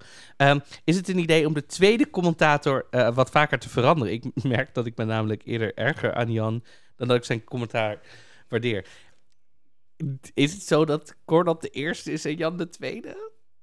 Nee, Cornel zit er langer, dus dat, dat snap ik. Ja, maar volgens mij is het meer, ze zijn wel gelijkwaardig. Ze zijn wel gelijkwaardig wat dat betreft. Ehm, nou ja, ik moet je eerlijk zeggen, ik heb dit jaar weinig meegekregen van Jans commentaar. Omdat wij natuurlijk gewoon in het terrein zaten. Dus wij zaten met of Italiaanse commentatoren of in de zaal of whatever. Nou, ik, wat ik wel dan weer voorbij heb zien komen op Twitter waarschijnlijk. Wat ik dus vaak zie, is dat mensen het niet helemaal kunnen waarderen als Jan mode-commentaar geeft. Nou, daar waren we het over eens. Dat dat, Dat wil ik was. eigenlijk ook wel meegeven. Kijk, Jan, ik liebe Jan. Ik vind Jan echt een prima gozer. En ik, ik vind dat hij, als ik, als ik goed luister naar wat hij zegt over de ex, dat kan ik wel Ja. waarderen. Maar soms zegt hij iets over kleding. denk ik, Jan, nee, nee, nee, nee, nee. Doe, doe maar niet. Doe maar, doe- nee hoor, Jan, doe maar, blijf maar gewoon bij de muziek en de nummers en de concepten en zo. Ik heb het idee soms, terwijl ik niet per se Cornel een soort mode, maar als hij wat zegt, vind ik het wat meer neutraler. Oké. En bij Jan vind ik het af en toe meer een soort read Ik af en toe. vind, ik, vind, ik vind, tegenwoordig moet ik je eerlijk zeggen, ik vind Jan wel lekker gewoon... Het, hij is wel eerlijk. Ik bedoel, als het niet goed is, dan is het niet goed. En dan zegt hij dat ook wel eerlijk. Misschien moet er gewoon nog een derde commentator over de mode naast zitten. Ja, met z'n drieën daar gaan zitten, dan is er Ik helemaal... ken, wel, ik ken wel iemand. Ik ook, Diek Pothoven. Superleuk om die erbij te zetten Oh my jaar. god, you shady. Dat is een, ik geen Prima. Prima, wat dat betreft. Ehm er zijn andere twee dingen wat hij natuurlijk over had. Eh, Letland had echt wel moeten kwalificeren. Ja, daar ben ik het ook wel mee eens. Ik Ja. heb toch echt wel, eh, no offense, die hadden er echt wel tussen moeten zitten. Ja, nummer, hoe ze het hebben me. gedaan. Maar ook hun attitude, de manier waarop ze die zaal meekregen, alles. Ik was er echt wel verbaasd over dat die het niet gehaald hebben. Ja. Dat was echt wel een verrassing. Maar ik denk dat zij gewoon het onderspit hebben gedelft met het feit dat er gewoon een aantal hele sterke dingen, waaronder Oekraïne, in die fina- halve finale zaten. Dus dat vond ik een dingetje. En ja, Sam Ryder, ik ben het heel erg met hem eens. En ik denk dat Sam ook eh, heel erg een soort van ehm, eh, garant staat voor waar het Songfestival heen gaat. Ik bedoel, ik vroeg het op een gegeven moment ook tijdens die persconferentie een beetje. ehm, dat het een beetje voelt als dat ze richting het Junior Songfestival gaan. In de zin van dat die artiesten veel minder bezig zijn met die competitie en voor zichzelf strijden, maar vooral ook weer meer de verbinding opzoeken van we zijn met 40 muzikanten bij elkaar, we hebben allemaal iets moois gemaakt. Ik bedoel, ik denk dat ik zoveel stories ook voorbij heb horen komen dat ondanks dat ik denk dat ze bij een groot deel van de fans niet in de top 10 stond. Of in ieder geval de top 5 stond. Qua hoe ze dit Songfestival beleefd heeft. Qua persoonlijkheden. Dan heb ik het niet over het nummer, maar qua persoonlijkheden Ja. Was Maro wel iemand waar bijna elke artiest iets over postte van ik heb zo'n toffe tijd met jou gehad, ik heb zulke leuke dingen met jou beleefd, ik ben zo muzikaal door je geïnspireerd en ik wil zo graag dingen met je gaan maken. We zagen vorige week zagen we Ronela, Sheldon Riley en Lumix met z'n drieën in een studio. Toen dacht ik, Vind ik een hele interessante combinatie, die drie bij elkaar. Maar ook wel weer heel erg tof. Mhm. Ik zat van de week naar een live van Steam te kijken. En toen kwam Sheldon Riley in één keer binnenzeilen. Weet je, dus er zijn echt wel hele leuke verbanden gemaakt. En ik ben ook heel wel benieuwd wat daar bijvoorbeeld uit zou komen. Ik zou het heel interessant vinden als je ehm, misschien wel inderdaad een Malik Harris met een Steen nummer gaat laten maken, muzikaal. Ja. Wat komt daaruit? Kijk naar een Alvan. Die zou ook iets met Steen kunnen, maar die zou ook iets met Lumix kunnen gaan maken. Nou, om Niet daar, met Pia Maria. om daar even op in te breken. ehm, is jouw inbox ook over, over, over, overladen met feedback over België en Frankrijk? Eh, nee. Oh, nou, oh my god. Ik heb natuurlijk vorige week zei ik, leg het me uit. Nou, er waren heel veel mensen die, die me dat wilden doen. Uitleggen. Ehm, Het, ja, vertel. Over België waren er een aantal mensen die zeiden... ja, ik vond de vibe wel lekker... en er zat wel wat duizers in... en dan dat beatje en dan het dansje... en ja, dus die, vond ik die, toch, die- toch een beetje de dansbaarheid, geloof ik... die daar mensen wel aansprak. Ehm, d- dus, nou ja, oké, dus dat snapte ik. En over Frankrijk zeiden toch echt heel veel mensen wel... dat het heel erg rommelig open, oogde. Het was... De camera-shots waren te snel, het was te rommelig. Je kon eigenlijk niet goed zien wat er gebeurde. Vocaal was het ook niet helemaal lekker. Dus al met al zeiden heel veel mensen... Ja, ik, ik denk dat... he- Heel veel mensen zeiden ook... Ik vind de Spotify Love, die act... Dus wat we vaak zien is dat vaak de act bouwt op het nummer... is bij hun helemaal misgegaan, denk ik. Ik denk dat, ik denk dat zij eh, ehm, oprecht de verkeerde keuze hebben gemaakt door wat vorig jaar werkte. Namelijk het feit dat Barbara Pravi haar act van Voila al volledig stond in de nationale finale. Mhm. Die stond al. En er hoefde dus weinig meer aan te doen. Behalve nog wat polijsten. En dat ze dat dit jaar hebben doorgezet. Zij hadden denk ik... Ik bedoel, de act die we zagen was echt niet zoveel anders dan de act van... Hè? Eh, die we in de nationale finale zagen daar. Er waren wat dingen verbeterd en wat graphics veranderd. Ik denk dat zij hier met een, een, een coach of met, met een, een visionair, zoals we in Nederland ook doen, met een creatief team hadden moeten gaan kijken hoe doen we dit anders. En dat het dan misschien beter had gewerkt. Ja. Trouwens, nog even leuk iets voor de agenda, Marco. 18, kan niet. 18 juni, Mhm. dan is Roze Zaterdag dit jaar eh, in Rotterdam. Tijdens Ja. Rotterdam Pride, wat echt super tof is. En super veel leuke dingen gaan gebeuren. Onder andere Babs, Lionstorm, Jair en Glenn Faria staan er. Willy Wartaal, Doppelgang. ehm, onder andere ook Pride-ambassadeur Megan Schoonbrood is er. Finaliste van Drag Race ehm, Mama Queen is er. Maar Duncan Lawrence komt ook optreden om twee uur 's middags. En Steen staat er. Leuk. Steen en Duncan staan op een queer evenement, namelijk op Roze Zaterdag in Rotterdam. Super tof dat die twee erbij zijn en dat, eh, dat wilde ik even genoemd hebben. Dus voor alle fans die nu luisteren, heb je iets met de LGBTQIA+ community? Kom dan. Heb je er niets mee? Wat me niet voor kan stellen als je naar deze twee gigantische homosensuelen luistert hier in deze podcast.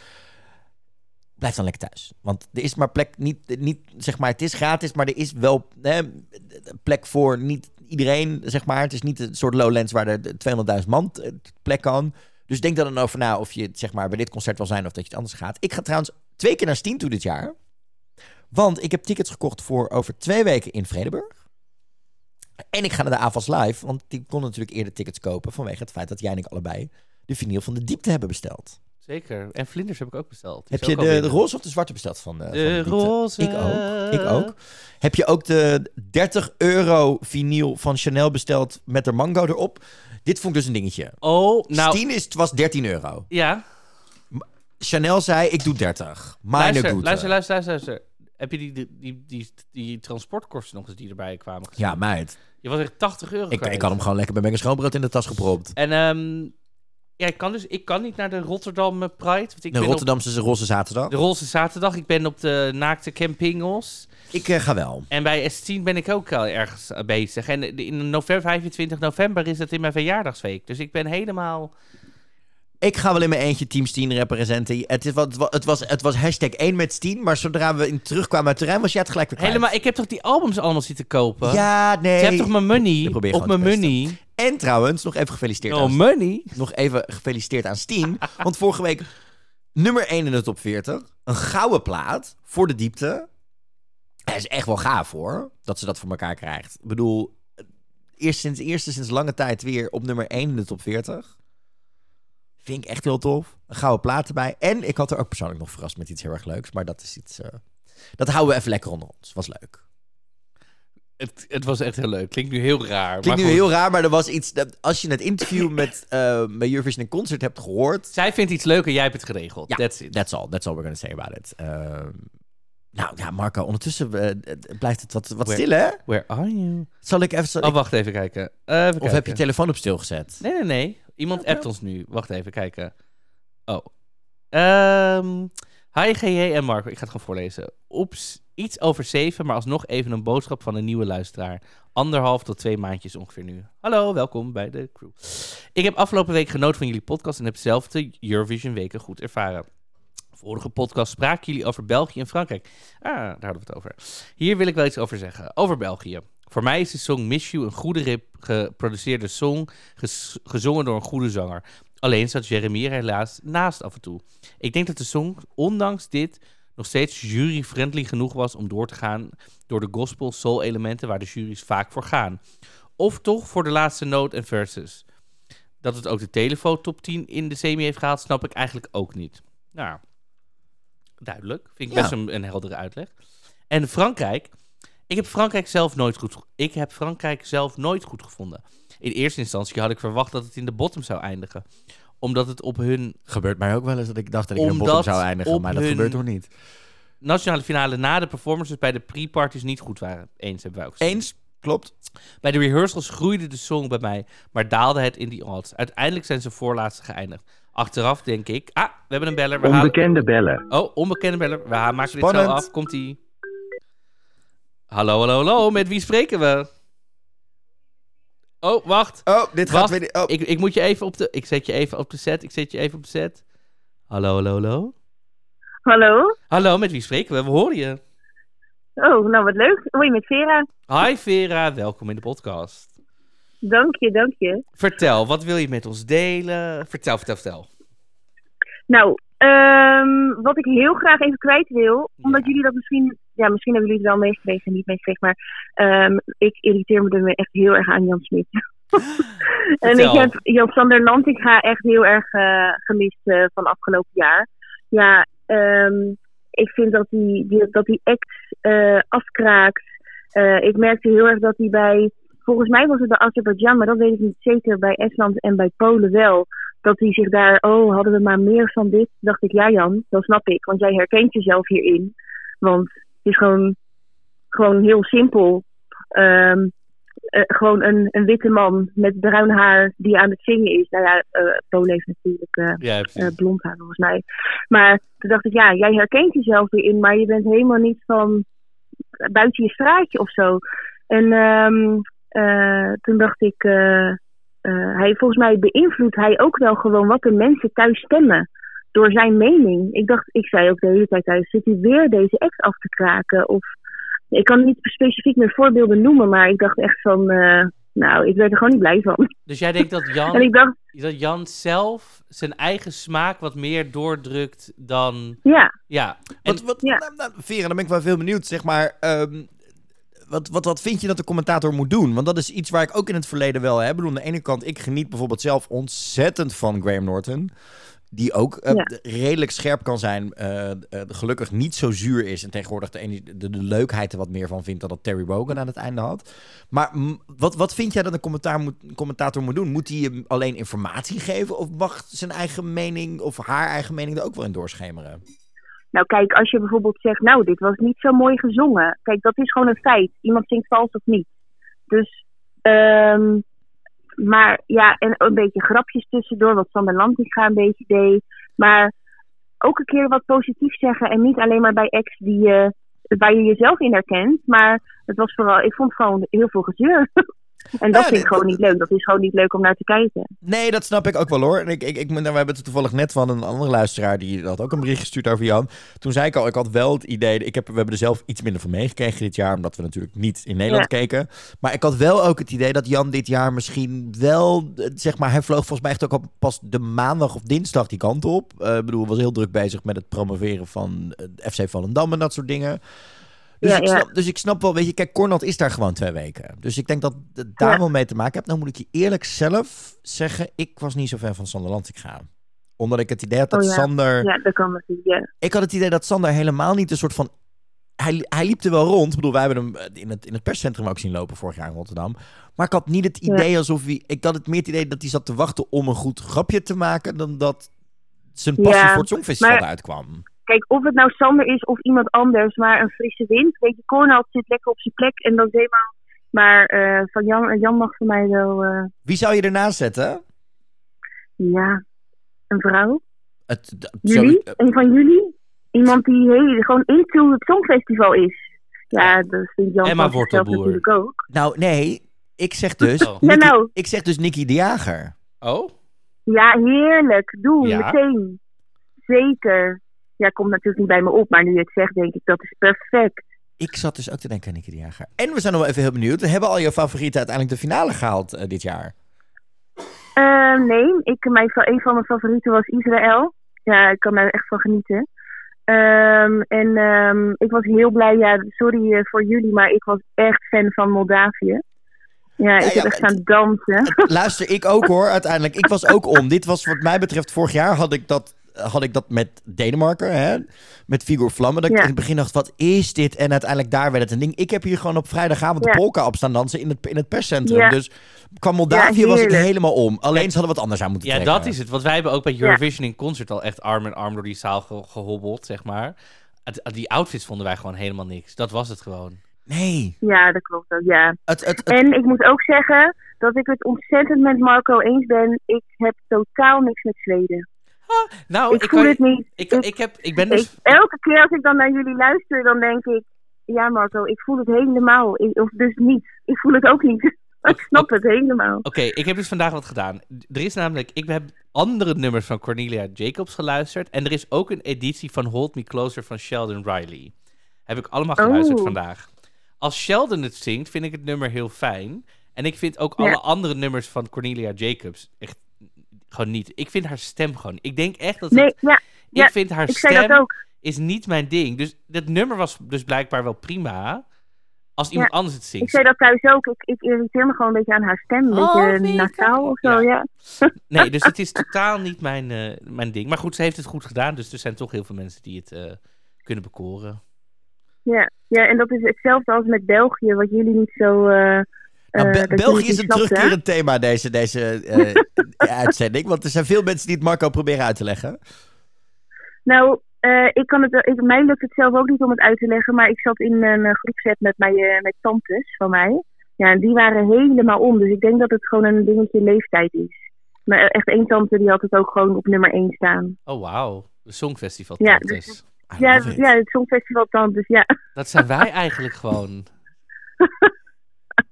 Maar ja, ik denk dus dat het een, een leeftijddingetje is. Jij dat eh, misschien... eh, Ja. ja, ik Ja, het, het- dat ik, viel bij mij heel erg. het, het, is- het, het- ja, luister, ik vind het ook wel weer lekker dat er van die, van die vraagstukken blijven. Dat je na het afloop van het denkt, eh, leg me dit nog eens uit. Ik snap dit niet helemaal. Nou ja, dat soort dingen. Nou, superleuk dat je Ja. verbelde. Eh, wat ga jij met je zo Songfestival zomer doen? Ga je nog artiesten zien? Ga je nog dingen doen? Of heb je zoiets, joh, ik laat het lekker rustig ook hangen. Eh, kom volgend seizoen maar weer bij me terug. Nou, ik ben wel laatst naar Freer geweest. Hoe was was dat? echt een feestje. Ja, was echt heel erg leuk. Welke, welk Ja. concert was je heen? Want hij heeft natuurlijk een aantal door het hele land heen gedaan. De Melkweg. Oh, nice. Ja, Ja. Ik, ik, ik, ik, volgende keer als hij er is, gaan we weer heen. Want wij hadden kaarten en die gingen toen niet door. En nu konden we niet en gedoe. Maar eh, die staan er wel op mijn lijstje. Ja, en ik ga natuurlijk naar S10 in Tivoli. Daar ben ik ook bij. Dus dan zie ik je daar sowieso. Oh, leuk, leuk. Ja, heel leuk. Als je me ziet, gaan we even, eh, ja. doen we even een biertje, wijntje, cola, fris, whatever. Wat je Ja, ja. zeker. Dan, eh, dan klop ik even bij je aan. Gaan we zeker Leuk. doen. Thanks voor je belletje. Ja, graag gedaan. Ik eh, ga weer verder koken. Eet, wat, wat ben je aan het koken? Ja, mais, eh krieltjes en een vega schijf achter. Gewoon heel simpel. Luister, kan Maar eh, af en ik toe dacht... ook eh, super lekker zijn. En vega is altijd goed. Hoe meer vega we gaan eten, Ja. hoe beter het is. En hoe minder pushen je hoeft te eten voorbij je salade. Zo moet je maar denken. Zeker. Komt helemaal goed. Bedankt voor je belletje. hey, doei. Ja, leuk. Leuk. Ehm, Ja, sorry. Ik moet toch elke keer als het nu gaat over salades en dat soort dingen. Dat is, luister, wel de impact van Citizen hier. was je salade betreft. net lekker, G.J. Kooijman? Oh, meid. En hoe dan? Oké, nou goed. Eh, we zaten midden in een bericht van Marijn, onze eh, nieuwe luisteraar, sinds Ja. anderhalf maand. Eh, Frankrijk. Bij de rehearsals groeide de song bij mij, maar daalde het in de odds. Het gaat over Frankrijk. Ja, uiteindelijk zijn ze de, als voorlaatst geëindigd. Achteraf denk ik dat dit komt omdat ze toch zijn weggevallen in de running order. Dit zeiden wij ook. Maar ook door een paar elementen in de song. Het gegil van Ahes op het einde heb ik altijd als ongemakkelijk ervaren. En ik snap nog steeds niet waarom ze naast de groep ook nog een danseres op het podium hebben gezegd. Eh, even voor de vertaling. Het nummer gaat over dansen met de duivel. Ja. Dus daarvoor, Die snap ik, eh, ja. Dus da- daarom stond die danseres op het podium. Ehm Marijn zegt, ik heb volgens mij nog nooit zoveel geteamd, maar meer heb ik niet te vertellen. Ik kijk uit naar de laatste aflevering van dit seizoen en naar het nieuwe seizoen. Nou ja, seizoen 5 komt eraan, eh, Marijn. En we gaan er nog sowieso na deze twee maken, dus dat komt eh, goed. Nog een fijne avond, eh, zegt ze, hij, weet ik niet. Marijn. Is dat een ze? Is dat een hij? Ik kan allebei. Ik heb, ik, ik heb, Persoon, man- ik heb mannelijke mens. marijnen in mijn... niet mandarijnen, maar marijnen in mijn vriendenkring. En vrouwelijke marijnen. Dus het kan allebei. Shout-out en... ehm eh shout-out, dankjewel voor de bericht. Dat zou ik zo zeggen. En volgens mij hadden we ook nog, we hadden nog, nog extra dingen van Tom. Zullen we die ook even er meteen... Ik hou ervan. Doe het Oké, gewoon. even kijken. Komen we. Hey, ga jij Marco, met Tom. Nou, wat een Eh, verrassing, Tom. Er is natuurlijk ontzettend veel te doen over de juries en over hoe de juries zo ontzettend anders stemmen dan Mhm. het stemmen dan het publiek thuis. En ik denk dat het heel belangrijk is dat de juries blijven bestaan. Eh, ik bedoel, ze hebben immers Steam eh, enorm geholpen. Maar het verschil wordt natuurlijk wel heel erg groot. En ik kan me voorstellen dat het ook een probleem is. Ik zat te denken, zou je naast de nationale juries een tweede jury moeten hebben met alleen maar voormalige winnaars, eh, dan wel overal winnaars of jurywinnaars van de afgelopen tien jaar, die ook punten kunnen geven. Het geeft misschien een iets eerlijker beeld, een iets eerlijkere jury en eh, minder vatbaar voor. Oh, we hebben weer een beller. We hebben een beller, we hebben een beller. Oké. Tom, we komen zo bij je terug met deze juryvraag. Wat heb je een slechte ringtoon? Marco, alsjeblieft. Zet uit, zet uit, zet uit. Neem op, neem op, anders hangen ze op. Hey, met Hi, wie je Marco? Wie hebben we aan de Oh lijn? my god, kunnen jullie gaan aan de telefoon? Wat cool. Ja, fijn hè? Hallo, met wie hebben we, met wie hebben we het genoegen? Yes, met Carmen. Hey Carmen. Hi. Oké, eh, eerst wil ik even zeggen dat ik jullie podcast echt eh, oprecht geweldig vind. Ehm, ik haat nog opstaan, maar voor jullie podcast sta ik oprecht gewoon het zeven, om eh, zeven uur op, terwijl ik woensdag altijd van het eerste drie uur vrij ben.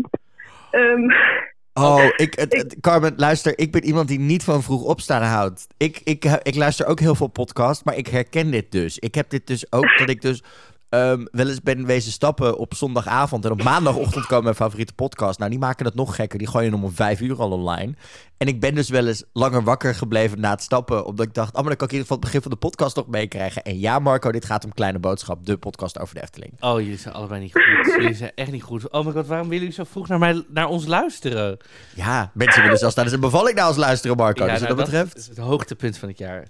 Oh. Maar hoe was jouw Songfestivaljaar dan, dit jaar? Wat vond je? Mijn songfestivaljaar? Ja, die van GJ weet ik ondertussen wel. Ja, Ehm, wat heerlijk. Maar eh, ja, mijn songfestival was echt, ehm, een jaar was echt, ja, het was heel leuk. Eh, ja, ehm, ik zou eerst naar Turijn gaan, maar eh, ging helaas niet door. Was wel jammer. Ehm, maar ja, weet je, het is natuurlijk het Songfestival. Het blijft echt geweldig. Ehm, ja, ik vond het echt heel leuk. Er zaten ook echt hele le- leuke nummers tussen. Ehm, Had je al en daar vroeg- gaat echt Had je al vroeg, zeg maar, favorieten? Of zijn die, eh, ben jij dus iemand die het pas bepaalt als je ze alle 40 gehoord hebt? Ja, kijk, ehm, ik had wel al vroeg nummers die ik wel leuk vond. Maar dat is later dan weer helemaal veranderd. Zoals? Ehm, Dan ben ik heel nieuwsgierig. Ja, ik vond in het begin ehm, was ik echt full on City Zanny. Ik vond hun echt geweldig. Echt helemaal leuk. En daardoor ja, was ik eigenlijk een beetje de rest van de nummers vergeten. Ehm, om, ja, zeg maar, ik, ik lette er wel op, maar het meer zeg maar, ik keek naar City Zanny en het Songfestival. En later toen eh, heb ik het wel wat breder getrokken, zeg maar. Dacht van, hé, is er nog andere nummers? Laat die ook nog even gaan luisteren. En toen eh, ja, heb ik al meer favorietjes gekregen. Zoals bijvoorbeeld ook Chanel en ehm, Moldavië. Vooral tijdens de show werd het echt nog wel echt een favorietje. Je luistert wel Ja. naar alle feestnummers. Alle high tempo, dans, polka's, weet ik veel wat, eh, alle nummers. Zeker. Zeker, dat is wel echt eh, ja, wat, ik, wat ik echt luister, ja. Maar ik vond Nice. ook de balance dit jaar vond ik ook heel goed. Bijvoorbeeld Griekenland. Ja, ik vond Griekenland echt... eh, Griekenland was voor mij een verrassingje wat, eh, ehm, qua wat het ons deed uiteindelijk. Want we hadden gewoon bij haar denk ik hele hoge verwachtingen toen ze werd aangekondigd. Zoals je vaak gehoord hebt. En dat ze het waarmaakte was, echt, was ik heel erg blij mee wat dat betreft. Dus, Maar waar heb, je het Ja, Songfest- waar heb je het Songfestival gekeken dit jaar? Eh, het. Ik heb eh, dit jaar heb ik het met mijn ouders gekeken. Ehm, gewoon gezellig. En eh, ja, later toen... we hebben zeg maar... ehm, op Insta hebben we een, ja, een soort van Dutch fans group ding. Dus toen had ik het thuis gekeken. Maar toen heb ik eigenlijk een beetje nog tijdens de show met hun gewoon gechat erover. En keken we toch een soort van samen. Lachen, dat is altijd het leukste aan het Songfestival. Maar dan ben ik heel benieuwd. Ik had het er vandaag nog toevallig met mijn moeder over. Stemmen jouw ouders ook naar het Songfestival of kijken ze alleen? Ehm, ja, het verschilt heel erg per jaar. Dit jaar probeerde het te stemmen, maar toen werkte het niet. Oké, maar eh, verbaas jij je dan ook waar je ouders op stemmen? Oh ja, absoluut. Wat, wat was dat bij jou? Want bij mij was dat dus het feit dat mijn moeder, die heeft het vandaag dus nog een keer verteld. Die heeft dus om twee redenen op in de finale op Stefan van Estland gestemd. Ten eerste Niet. omdat ze. Mijn moeder ook. Oh, Oh, mijn, god, dit mijn is moeder my ook. Dit, dit is echt een moedersding. ja. Dit is echt een moedersding. Ja, Marco zat vorige keer, mijn moeder stemt niet, die doet dit soort dingen niet. Maar en die zat me dus ook zo aan te kijken van, hé, maar ik ben zo blij dat er dus meer moeders zijn. Het, is el- het blijft een ding elk jaar. De moederstem moet je niet vergeten. Zat je moeder ook zo te praten van... Oh, eigenlijk vind ik Stefan ook wel een leuke jongen. Terwijl de vader er gewoon naast zat. Eh, nou, dat, in mijn geval ging dat wat moeilijk. Want mijn vader, Oh. zeg maar... Dit is bij mij thuis. Ik heb wel de Oh, vaders. me. Oh, Oh, nee hoor, nee, maar dat is heb- helemaal geen probleem, joh. ik, heb bij dit, ik heb thuis wel de vaderstem. Mijn, moeder, mijn vader gaat dan, dan komt Hurricane, zegt hij, oh wat een lekkere pak. En dan zit mijn moeder, zeg ik, pap. Ja, Hallo. Dat is, ja, dat is ouders onderling. Nee, maar mijn moeder had nog een tweede reden. Dit is helemaal de mooiste. Ja, hij was toch als laatste. Dat was het makkelijkst te onthouden qua, tele qua telefoonnummer. Toen dacht ik Het zijn echt, oh twee nummers. Ja, I know. Don't ask. Het was een dingetje. Maar ik ben nog wel benieuwd, Carmen. Als we dan kijken naar volgend jaar, hè. Wat, wat zeg maar... eh, Wat moet er veranderen? Wat moet er blijven? Ik bedoel, eh, we kijken naar de toekomst. Over twaalf maanden zitten we of in Kiev, of in Mariupol, of in, in Engeland. Wat, wat moet er anders aan het Songfestival? Ehm, de kaars moet wat goedkoper. Heyo. Sowieso. Absoluut. Ik ben, ik ben scholier. 350 euro. Ik weet niet wat ze denken, maar dat werkt niet. Ehm, En Maar dan nog je rest, reis en verblijf en zo, dat is niet te doen. Ja, ja. Ehm, wat moet er voor de rest veranderen?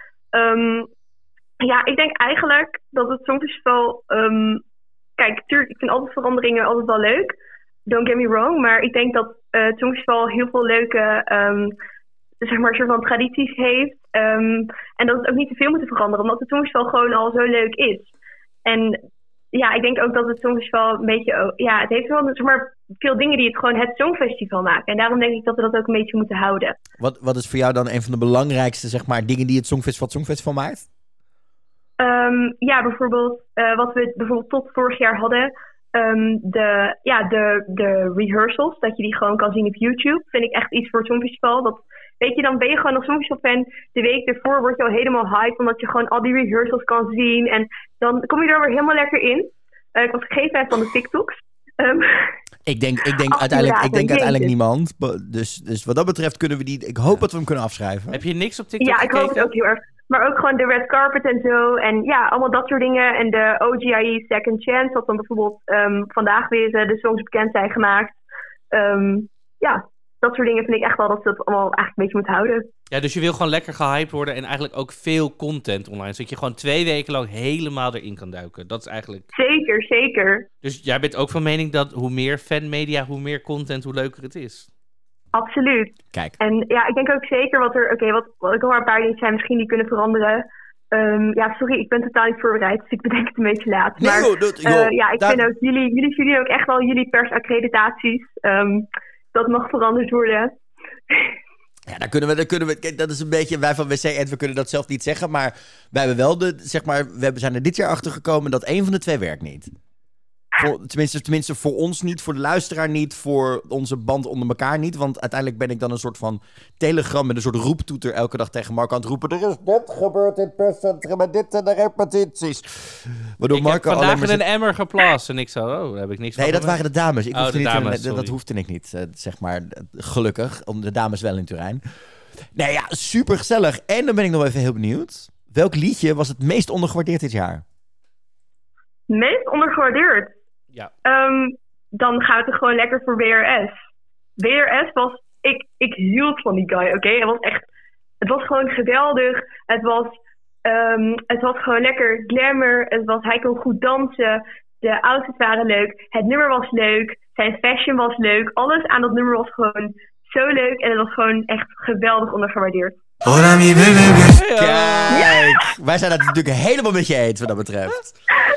Ja, die hebben we gewoon elk moment bijpakken. Ja, dan weet je dus wat ik dus meemaak. Dit is dus. Dit doet, dit doet, snap je, nu snap je de podcast helemaal, Carmen. Want dit doet Marco dus... Marco heeft dus gewoon een stel knoppen naast zich. En die kan dus, wanneer die maar wil, die Olami BBB inzetten. Oh, heerlijk. Die wil ik ook. Dit wil je gewoon in het leven hebben.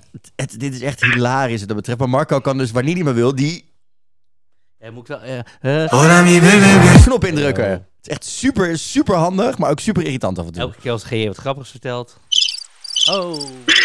Zo gaan we weer door. Hey Carmen, superleuk dat je belde. Ehm, we, zien, we zien je vast binnenkort bij of een Songfestival feestje of een Songfestival ding. We gaan nog ontzettend leuke dingen doen. En dan zijn we de volgende seizoen sowieso weer. En ik ben wel heel benieuwd. Dan moet je ons even een DM'tje sturen. Volgende week gaan we het hebben over wat we vinden van de achtergrondzang op het Songfestival. Of die weer live moet of niet. Stuur ons even een DM'tje, dan nemen we je mening even mee. Oké, is helemaal goed. Vond ik heel leuk. Eh, yes, en dan sta ik morgen lekker vroeg op voor de podcast. Ga je zeker doen. Geloof me, we hebben genoeg nieuwtjes en andere dingen besproken. Dus er is genoeg nieuws om te horen. En dan eh, spreken we je gewoon morgenochtend. Komt helemaal goed. Yes, tot morgen. Tot doei, morgen. Doei. 7 uur s ochtends op. Sorry, ik moet hier nog even een dingetje van vinden. Ja, eh, ik, hou ervan hoor. Maar als jij vrij bent die eerste drie uur op woensdag. Ik bedoel, ik hou van jou, Marco, maar ik hou meer van mijn slaap. Eh, eh, dat is, ik hou ook van mezelf. En ik hou ook van mijn slaap, dus. Oh, we waren nog. we waren, dus, ik, nee, zeker niet. We waren, we waren in. Hey. Oh, wacht. We waren midden in een bericht van Tom over juries. Wacht even, ik ga even een stukje terug. Kom, even Tom. Tom, kom er maar bij. van de afgelopen tien jaar die ook punten kunnen geven. Het geeft misschien een iets eerlijker beeld, een iets eerlijkere jury en eh, minder vatbaar voor omkooppraktijken. Ik ben benieuwd jullie van dit idee vinden, of jullie nog een veel beter idee hebben om de juries te redden van de ondergang. Ik ben heel benieuwd. Groetjes. Ja, dus kortom, de vraag was: moet er naast de juries landelijk nog een, een derde jury komen met alleen maar oud-winnaars of die, die, die stemmen? En kijk, niet ieder land heeft ook oud-winnaars. Nee, ik, Dus ik- dan ik- krijg je ook. En dus- het, kijk, mijn eerste bezwaar is gelijk... Oh mijn god, nog een puntentelling op zaterdagavond. Dan word ik wel echt... Ik denk, oh my god, uh, nou, daar word ik toch echt wel een beetje moe van. Maar ik zit wel... Ik zag van de week wat andere suggesties van bijkomen. Van, joh, aan de ene kant moet je die juryleden gewoon niet allemaal ehm, laten afreizen naar Turijn. Of zeg maar als we dan dit jaar hebben. Waardoor je ze daar wat meer kunt controleren. Hè? Dat je het op die manier krijgt. Of moet je een, een soort ding doen waarin we die juries... eh, waarbij die jury moet voorstellen aan de EBU... zodat de EBU eh, zeg maar kan checken wat voor mensen dat zijn... en of daar niks tussen zit. Ik denk wel dat er een stap gemaakt moet worden om dit soort jury-dingen eruit te halen. Zeker omdat we toch... Er kwamen dit jaar wel weer stomme dingen naar boven. Er was volgens mij... Het, stomste vond ik echt Duitsland. Ehm, daar werd de jury bekendgemaakt. En toen blijkt dat er een van die meiden in de jury... en was een zangeres volgens mij, een presentatrice... die had de maand daarvoor al in een ander fan-jury-ding, de Eurojury... had ze al gezegd wat haar favorieten waren. En daarom mag ze dan dus niet in de jury zitten. Ah, nee. Dan denk ik, Duitsland, dit kan je toch zelf ook twee keer googlen, dan weet je dat ze dat gedaan Ja, want je weet niet, je, mag, je moet op die avond wat dat, wat dan. Ja, nou ja, goed. Dus misschien dat dat misschien wel iets is. Aan de andere kant hoorde ik ook eh, iemand opperen, moet er een demiscopische jury komen. En net zoals we in, bijvoorbeeld in Spanje zagen en ook in Italië gebeurt als een jury. Wat voor jury? Ja, dat heb ik je toen al uitgelegd, maar ik snap dat het toen over je hoofd heen is gegaan. Dat is een jury waarin ze dus een goede representatie van Oh, het- de, ja, de sorry. hele bevolking proberen te vinden. Qua eh, afkomst, qua bevolkingsgroepen en dat soort dingen. En dat ze daarmee dan proberen te kijken van dat die ook nog hun mening mogen geven. Zodat je echt een representatie krijgt van iedereen in het land. In plaats van alleen de mensen die daar hard Ja, van bellen of kijken. jury duty. Maar dan, ja, precies. Ja, dat vind ik ook wel een dingetje. En ik zou het ook niet misschien heel gek vinden als we misschien toch wel, nou, nou niet een jury met alleen oud-winnaars, maar ook oud-deelnemers, oud-muziekproducenten die meegedaan hebben, oud-hoofden delegaties, oud-hoofden pers, waarin je mensen hebt die kijken naar zeg maar, hoe dat werkt. Zeg maar, die dus alle aspecten van een Songfestival inzending kunnen beoordelen. Dat zou op zich interessant vinden. Maar toch, ik blijf erbij. Oh mijn god, dan wordt het zaterdag wordt het nog later voordat we een winnaar hebben. Moet dit? Ja, Oh, ik en denk ik- gewoon... ik- mijn moeder vindt het nu al af en toe moeilijk eh, om naar mijn moeder terug te komen. Van wat is nou die publieksjury en wat zijn nou die stemmen en hoe werkt dit nou? Wat wordt er nou eerst uitgereikt? Die twaalf punten van elk land is toch van het publiek en uiteindelijk zijn de juries bij elkaar. Wat we dan in die punten. Nee, het is al, het is al zo'n gecompliceerd systeem. Moet, daar moet je niet nog mee gaan troeven. Ik denk dat we de. Ik denk dat je gewoon als omroep moet je. Bel je gewoon die mensen die jury worden, bel je op. Zeg je, hey, we hebben een nieuw programma voor je. Kom even op kantoor afspreken. Ja. Dan komen ze naar de Avotros bijvoorbeeld. Dan zeg je, hey, wil je in de jury van het Songfestival? Dat is dan zo'n gesprek in maart al, weet je wel. En dan zegt iemand, ja, dat is leuk. Nou, dan pak je diegene's telefoon af, ontvoer je ze. En dan laat je ze gewoon in een hok zitten tot, tot ze hun juryding moeten. Hebben ze geen contact meer met de buitenwereld. Dan had je dit jaar Amber Barry Paf had eh, vier weken lang niet zijn, zijn radioprogramma kunnen presenteren. Het is het leukste wat hij doet. Vind het leukste uit zijn, eh, naast zijn vent. Ja, maar dat, dat is even wat je dan opgeeft om in de jury te zitten voor het Jij eh, Songfestival. bied, je als, eh, bied je aan als vrijwilliger volgend jaar? Zeker. Als je volgend jaar dus eh, vier weken lang Marco niet hoort, maar mij hoort zitten met Dan doe mijn ik moeder. of mee aan Drag Race Holland, of ik ben in de jury en ik zit hier in één keer met mijn moeder een podcast te presenteren. Dan weet je precies wat er aan de hand is volgend jaar. Love it. Oh, mijn, lijkt me love dit. Weet je wat we Zullen we dit volgend jaar... Oh, zullen we dit doen volgend seizoen, Marco? Dat we gewoon onze moeders uitnodigen? eind maart een podcast maken met onze moeders. En dan Oh die God. liedjes voorstellen. Dat ze ze allemaal van tevoren mogen horen. En dan mogen ze allebei hun top 5 geven. Want dan... We horen het net weer van Carmen. De moederstem is heel belangrijk. Ja. Jouw moederstem. Niet Oké, de mijne wel. Ik weet niet of mijn moeder hier een uur gaat zitten, maar ik kan er wel thuis van tevoren... Nee, alvast- een uur. Onze moeders bij elkaar. En dan gaan we ze gewoon vragen. Joh, je moet van tevoren die nummers luisteren. Stel ons je, nummer, je top 5 voor. Want jouw moeder en mijn moeder liggen compleet uit elkaar qua smaak en persoonlijkheid. Ik weet niet of... Nou goed. Dat Dit, moet wil je dit? Ik wil je dit overleggen met mijn moeder. Nee, maar wil je dit als luisteraar? Oh. Laat het ons weten. Oké, luister. Wat we ook vorige week aan de luisteraars hebben gevraagd... in onze eh, Anchor eh, Spotify vraag van de Ja. From the Day... is...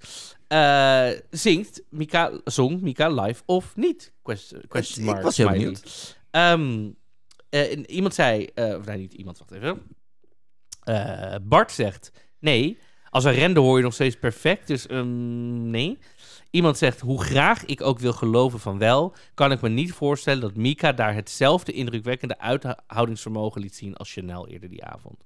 Iemand anders zegt, Shade. iemand zegt, ik denk alleen het eerste nummer live, voor de rest 100% playback. Of de playback begon me later pas op te vallen, dat alles dus playback was. Eh, dat zegt Elvera. Eh, iemand zegt deels, of Boele zegt deels wel, deels niet. En iemand zei, dit is even ongerelateerd iets anders. Iemand, eh W. Sanders, zegt: Ik heb nog een opmerking over de interrail. Ik weet niet precies hoe het tegenwoordig werkt, maar vroeger mocht je maar nee, één keer Nederland uit en één keer Nederland in. Dus niet de hele tijd uit, in, uit, Nee, dat uit, is dus in. veranderd met die Ah, passen tegenwoordig. oké. Je kan dus gewoon een aantal keer in en uit gaan reizen. Dat is helemaal geen probleem. Oh, Nou, dat dat was, dat was een dus goed opletten. Maar goed, als het Ja. dus veranderd is, dan eh, is dat eh, niet. Maar eigenlijk denkt iedereen dat hij playbackte. Mm, interessant. Ik vond het wel opvallend dat hij eh, wel van de week deed hij volgens mij een optreden in Frankrijk, dacht ik. Of weer niet. volgens mij deed hij in Frankrijk een optreden. Hij had gewoon letterlijk de outfits en de hele staging en alles meegenomen. Want hij deed zijn nieuwe single Yo-Yo. Mhm. Dat had hij gewoon allemaal meegenomen. Dus dat heeft hij gewoon onder het budget van het Songfestival gegooid. En dan gaat hij nu mee de boel op. Dat ik dacht, dit is slim. Dit is fijn. Ik bedoel, dat snap ik heus wel. Trouwens, ook nog een hoogtepuntje deze week. ehm, vond ik de TikTok van Laura Pausini die aan het dansen is. Terwijl Chanel optreedt, maar ze doet de choreo van Mata Hari van vorig jaar. Oké. Ja, was een dingetje. Dat ik denk, Laura zat er lekker in met de, met de, met de corona. Wat dat betreft. Mama, mama, mama, mama, matahari. Agua! Ja, ik hou er toch van. Wat dat betreft. En nog 10 minuten, Marco. Nog tien. Tien oh, oh, tien minuten voordat. Je klinkt net alsof je meedoet voor Denemarken dit jaar. Ik moet stem. Wauw. Ehm, oh ja, trouwens, wat we volgens mij, als ik het goed heb begrepen, wat we hebben besproken, doorhevelen naar ook volgend seizoen, is weer junior. Want er staan nu drie of vier auditierondes al online. Ja, we gaan Maar dat de gaan we laatste even op ons aflevering, gemak, eh, de laatste aflevering van dit seizoen gaan we gewoon even globaal Ja. ernaar kijken. Dan zitten we volgens mij net, begrijp ik, voordat we wat meer weten. Ik zag dat dit weekend ieder geval de junior selectie in de Wisseloord Studios was. Dus ze zijn Oh. bezig met die nummers al aan het opnemen. Dat is interessant. En, eh, Maar junior gaan we zeker volgend Ja. ook weer volgen in een klein blokje. Hè? Eh, We gaan er richting, natuurlijk richting Ja. Teheran. Ehm, eh, dus ik ben heel benieuwd wat daar er weer gaat vaak gebeuren. niet ieder week iets. Dus we, we kijken gewoon als er wat is, dan, dan melden we het. Ja. En ehm, Eh, eh, wat- hebben we America's content? We hebben alleen benoemd... Gaan we over twee weken gaan we daar nog eens even een, een beetje, zeg maar, soort van eh, in tien minuten zeggen wat we ervan vinden. En Komt het wel niet, ter- moeten we het, moet het wel niet terugkeren, dat soort dingen. Laten Ja. we dat ook dan maar even doen. Ja, precies. En dan, ik wil er nu zo min mogelijk over denken namelijk. En dan weet je, dat- oké, want eh, seizoen 5 alweer dan. Seizoen 5 gaan we maken. gaat heel snel. ik, heb- ik heb er wel weer zin in. Nou, ik ben vooral blij dat we naar... Ik wel, heb wel even een nieuwe Songfestival energie nodig. Ik merk dat ik dit jaar toch... Ik het leuk vond... Maar er zat toch een beetje een zure nasmaak. Ja, Of zo. Het En- was toch niet helemaal lekker. Dat je zo net niet helemaal op je hoogtepunt komt. nou niet alleen dat. Zo voelde het. Maar het voelde ook dat. eh, eh, ik snap waardoor het bij jou ook voor een deel komt. Maar dat had het ook. Maar dat komt ook omdat er zoveel zurig nieuws was met die zon. Met alles wat niet goed ging. Met alle informatie die zo laat kwam en dingen. Dat ik dacht, oh ja. We zijn ook wel heel vaak dat we een soort van onszelf moesten vertellen: het is nog leuk, het is nog leuk. En dan. Dat kwam gewoon ook doordat er gewoon zoveel gebeurde dit jaar eromheen. Dat ik dacht, ach, ik verlang gewoon weer terug naar, naar Sietse Bakker die me gewoon in januari vertelt. Dit zijn vier scenario's, waar je weet op die maart, Ja. zoveel maart wat het wordt. Vind jij dat er een, ehm, dat er een soort standaard team moet komen vanuit de IBU die elk jaar gewoon ondersteunen of Mm, in kunnen grijpen als ze denken, oké, het gaat helemaal mis of zo. Of je de, of meer dan wat er nou, nu dat hebben ze gebeurt. dit jaar geprobeerd hè, met die Nederlanders, maar er wordt gewoon niet naar geluisterd. Punt. Nee, maar dat echt, is gewoon ding. die gewoon zeggen, oké, we nemen het nu of ze over. Of whatever. Nee, want dan geef je ook niet mensen de kans om het nog goed te gaan doen. En dan haal je denk ik toch een beetje ook de smaak eruit van een eigen land, een eigen ding. Mhm. Omdat dan krijgen we gewoon oprecht, dan komt Christophe Bjorkman weer uit, de, uit die put Ja. gekropen. Laat me, mag ik de, oké, oké. Nee, want dan komt, ehm, oprecht, dan komen er vier Zweden zeg maar uit een, uit een put gekropen. En dan zeg maar, en die gaan gewoon, die gaan dit gewoon overnemen dan. Carbonkels. En dat willen we niet Ehm, hebben.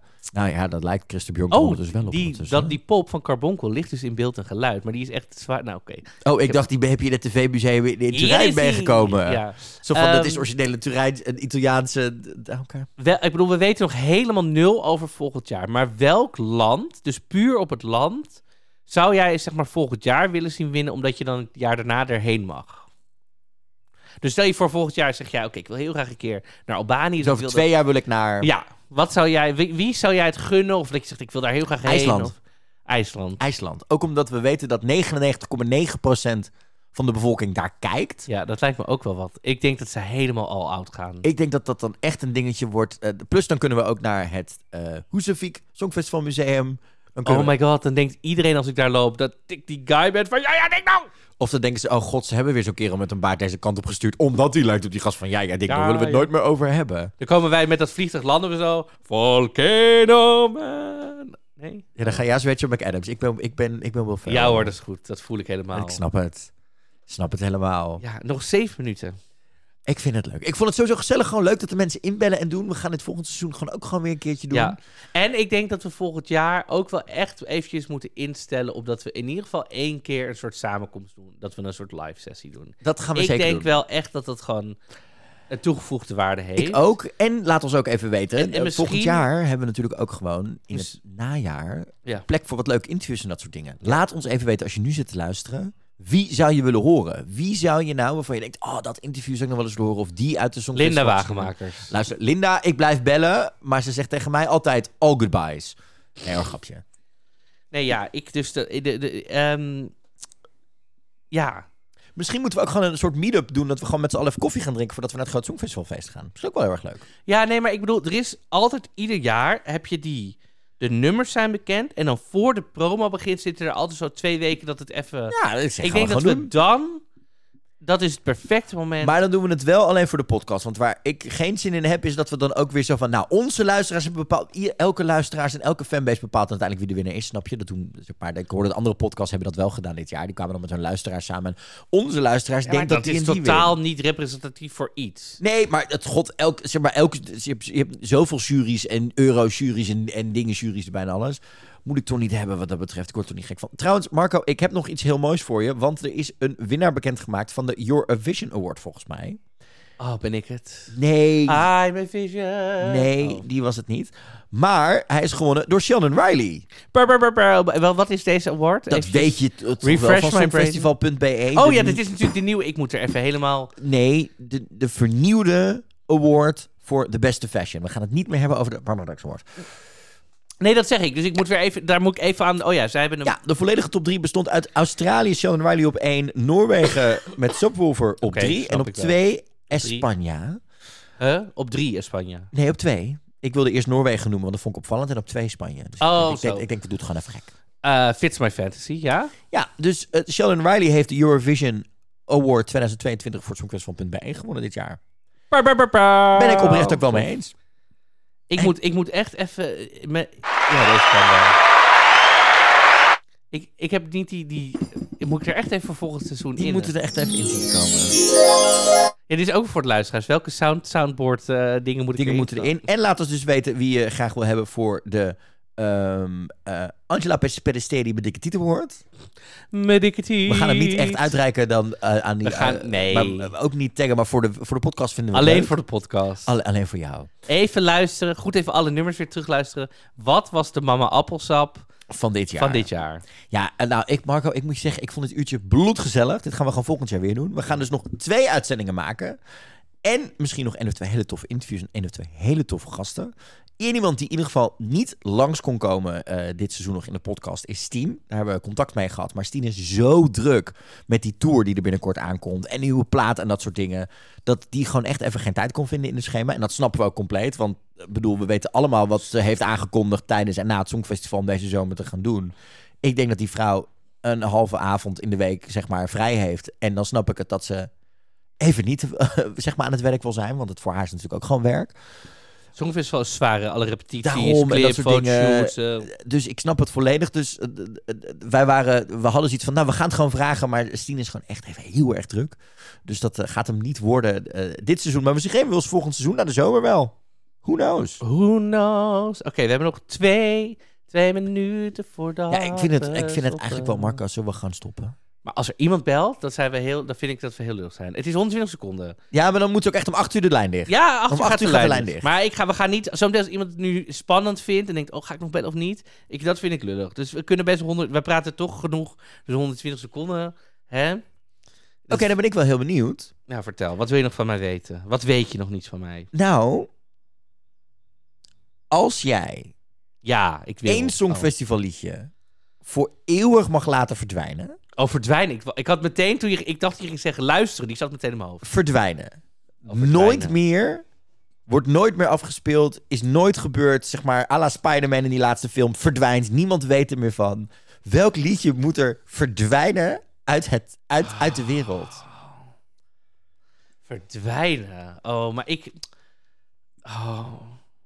Welk nummer... Oké, wacht. Welk nummer kan ik echt niet meer... Is er een nummer dat ik echt niet meer kan horen?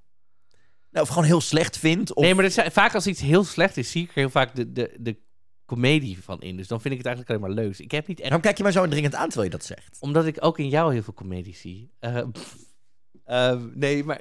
Ik ben ook een kleine komedie. eh, pff, ik, dus ik... ehm, nee, maar dat weet ik niet. Heb jij een nummer? Alexander Riebach.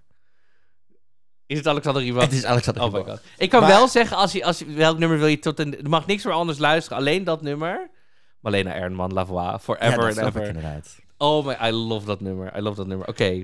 Nou, gaan- ik, wil het, ik, ik wil het weten. Je wil weten, maar ik moet, ik heb, er is geen... je iets één nummer vindt, ik, oh god, wat is dat ja, slecht. maar op dit moment zou Nu. ik, dan ik, als je me nu vraagt, Ja. het is geweer op mijn hoofd, dan... Zeg jij hint. Nee, dat zeg ik niet hint! Oh my god. Oh, oh, oh. Joe Franka? Nee, hoe heet ze nou 2002 op die grond zitten, Nederland? Michel. Michel, oh, wat een Nee. Michel, oh, maar Nee, oh, dat is prachtig. ik heb het gezegd, het is weg. Wie is het? We weten het niet meer. Het is gestopt. Het is gestopt, net als dat de lijn dicht is. Want het is acht uur. Dankjewel voor dit hysterische uurtje bellen met al jullie berichten. Vinkers, we weten ook van je, sommige van jullie dat je nu zoiets hadden van... Oh, ik ben nog niet thuis. Of ik, ik vind het eng om een berichtje in te sturen. Of ik heb nog ik heb geen vraag. Maar je hebt het gehoord. Je kan ook gewoon inbellen om gewoon even lekker te kletsen. We hebben ook vragen voor jullie. Dus We hebben ook WhatsApps voorgelezen. Het kan op allemaal manieren. We gaan dit volgend seizoen gewoon minimaal nog één keertje doen. Thanks voor jullie support. En thanks voor een hysterisch Songfestival. Ja, en je weet het, we zijn er dus nog niet. Volgende week en de week daarna zijn we er. En misschien nog wel NFT specials. Want zelfs, Marco, Oh. ga ik misschien voor de podcast eind juni... Naar een concert van Hint. Oh. Oh. Nee, naar een heel speciale andere ervaring in het buitenland. Als dat doorgaat, hoor je daar meer over. En dan krijg je een speciale zomerspecial van mij. Net zoals we die twee jaar geleden maakten over die Songfestivalfilm. Dat en alles later meer in Dingedong, de Songfestival podcast van Nederland. Met Marco Dreyer. En met G. Kooijman.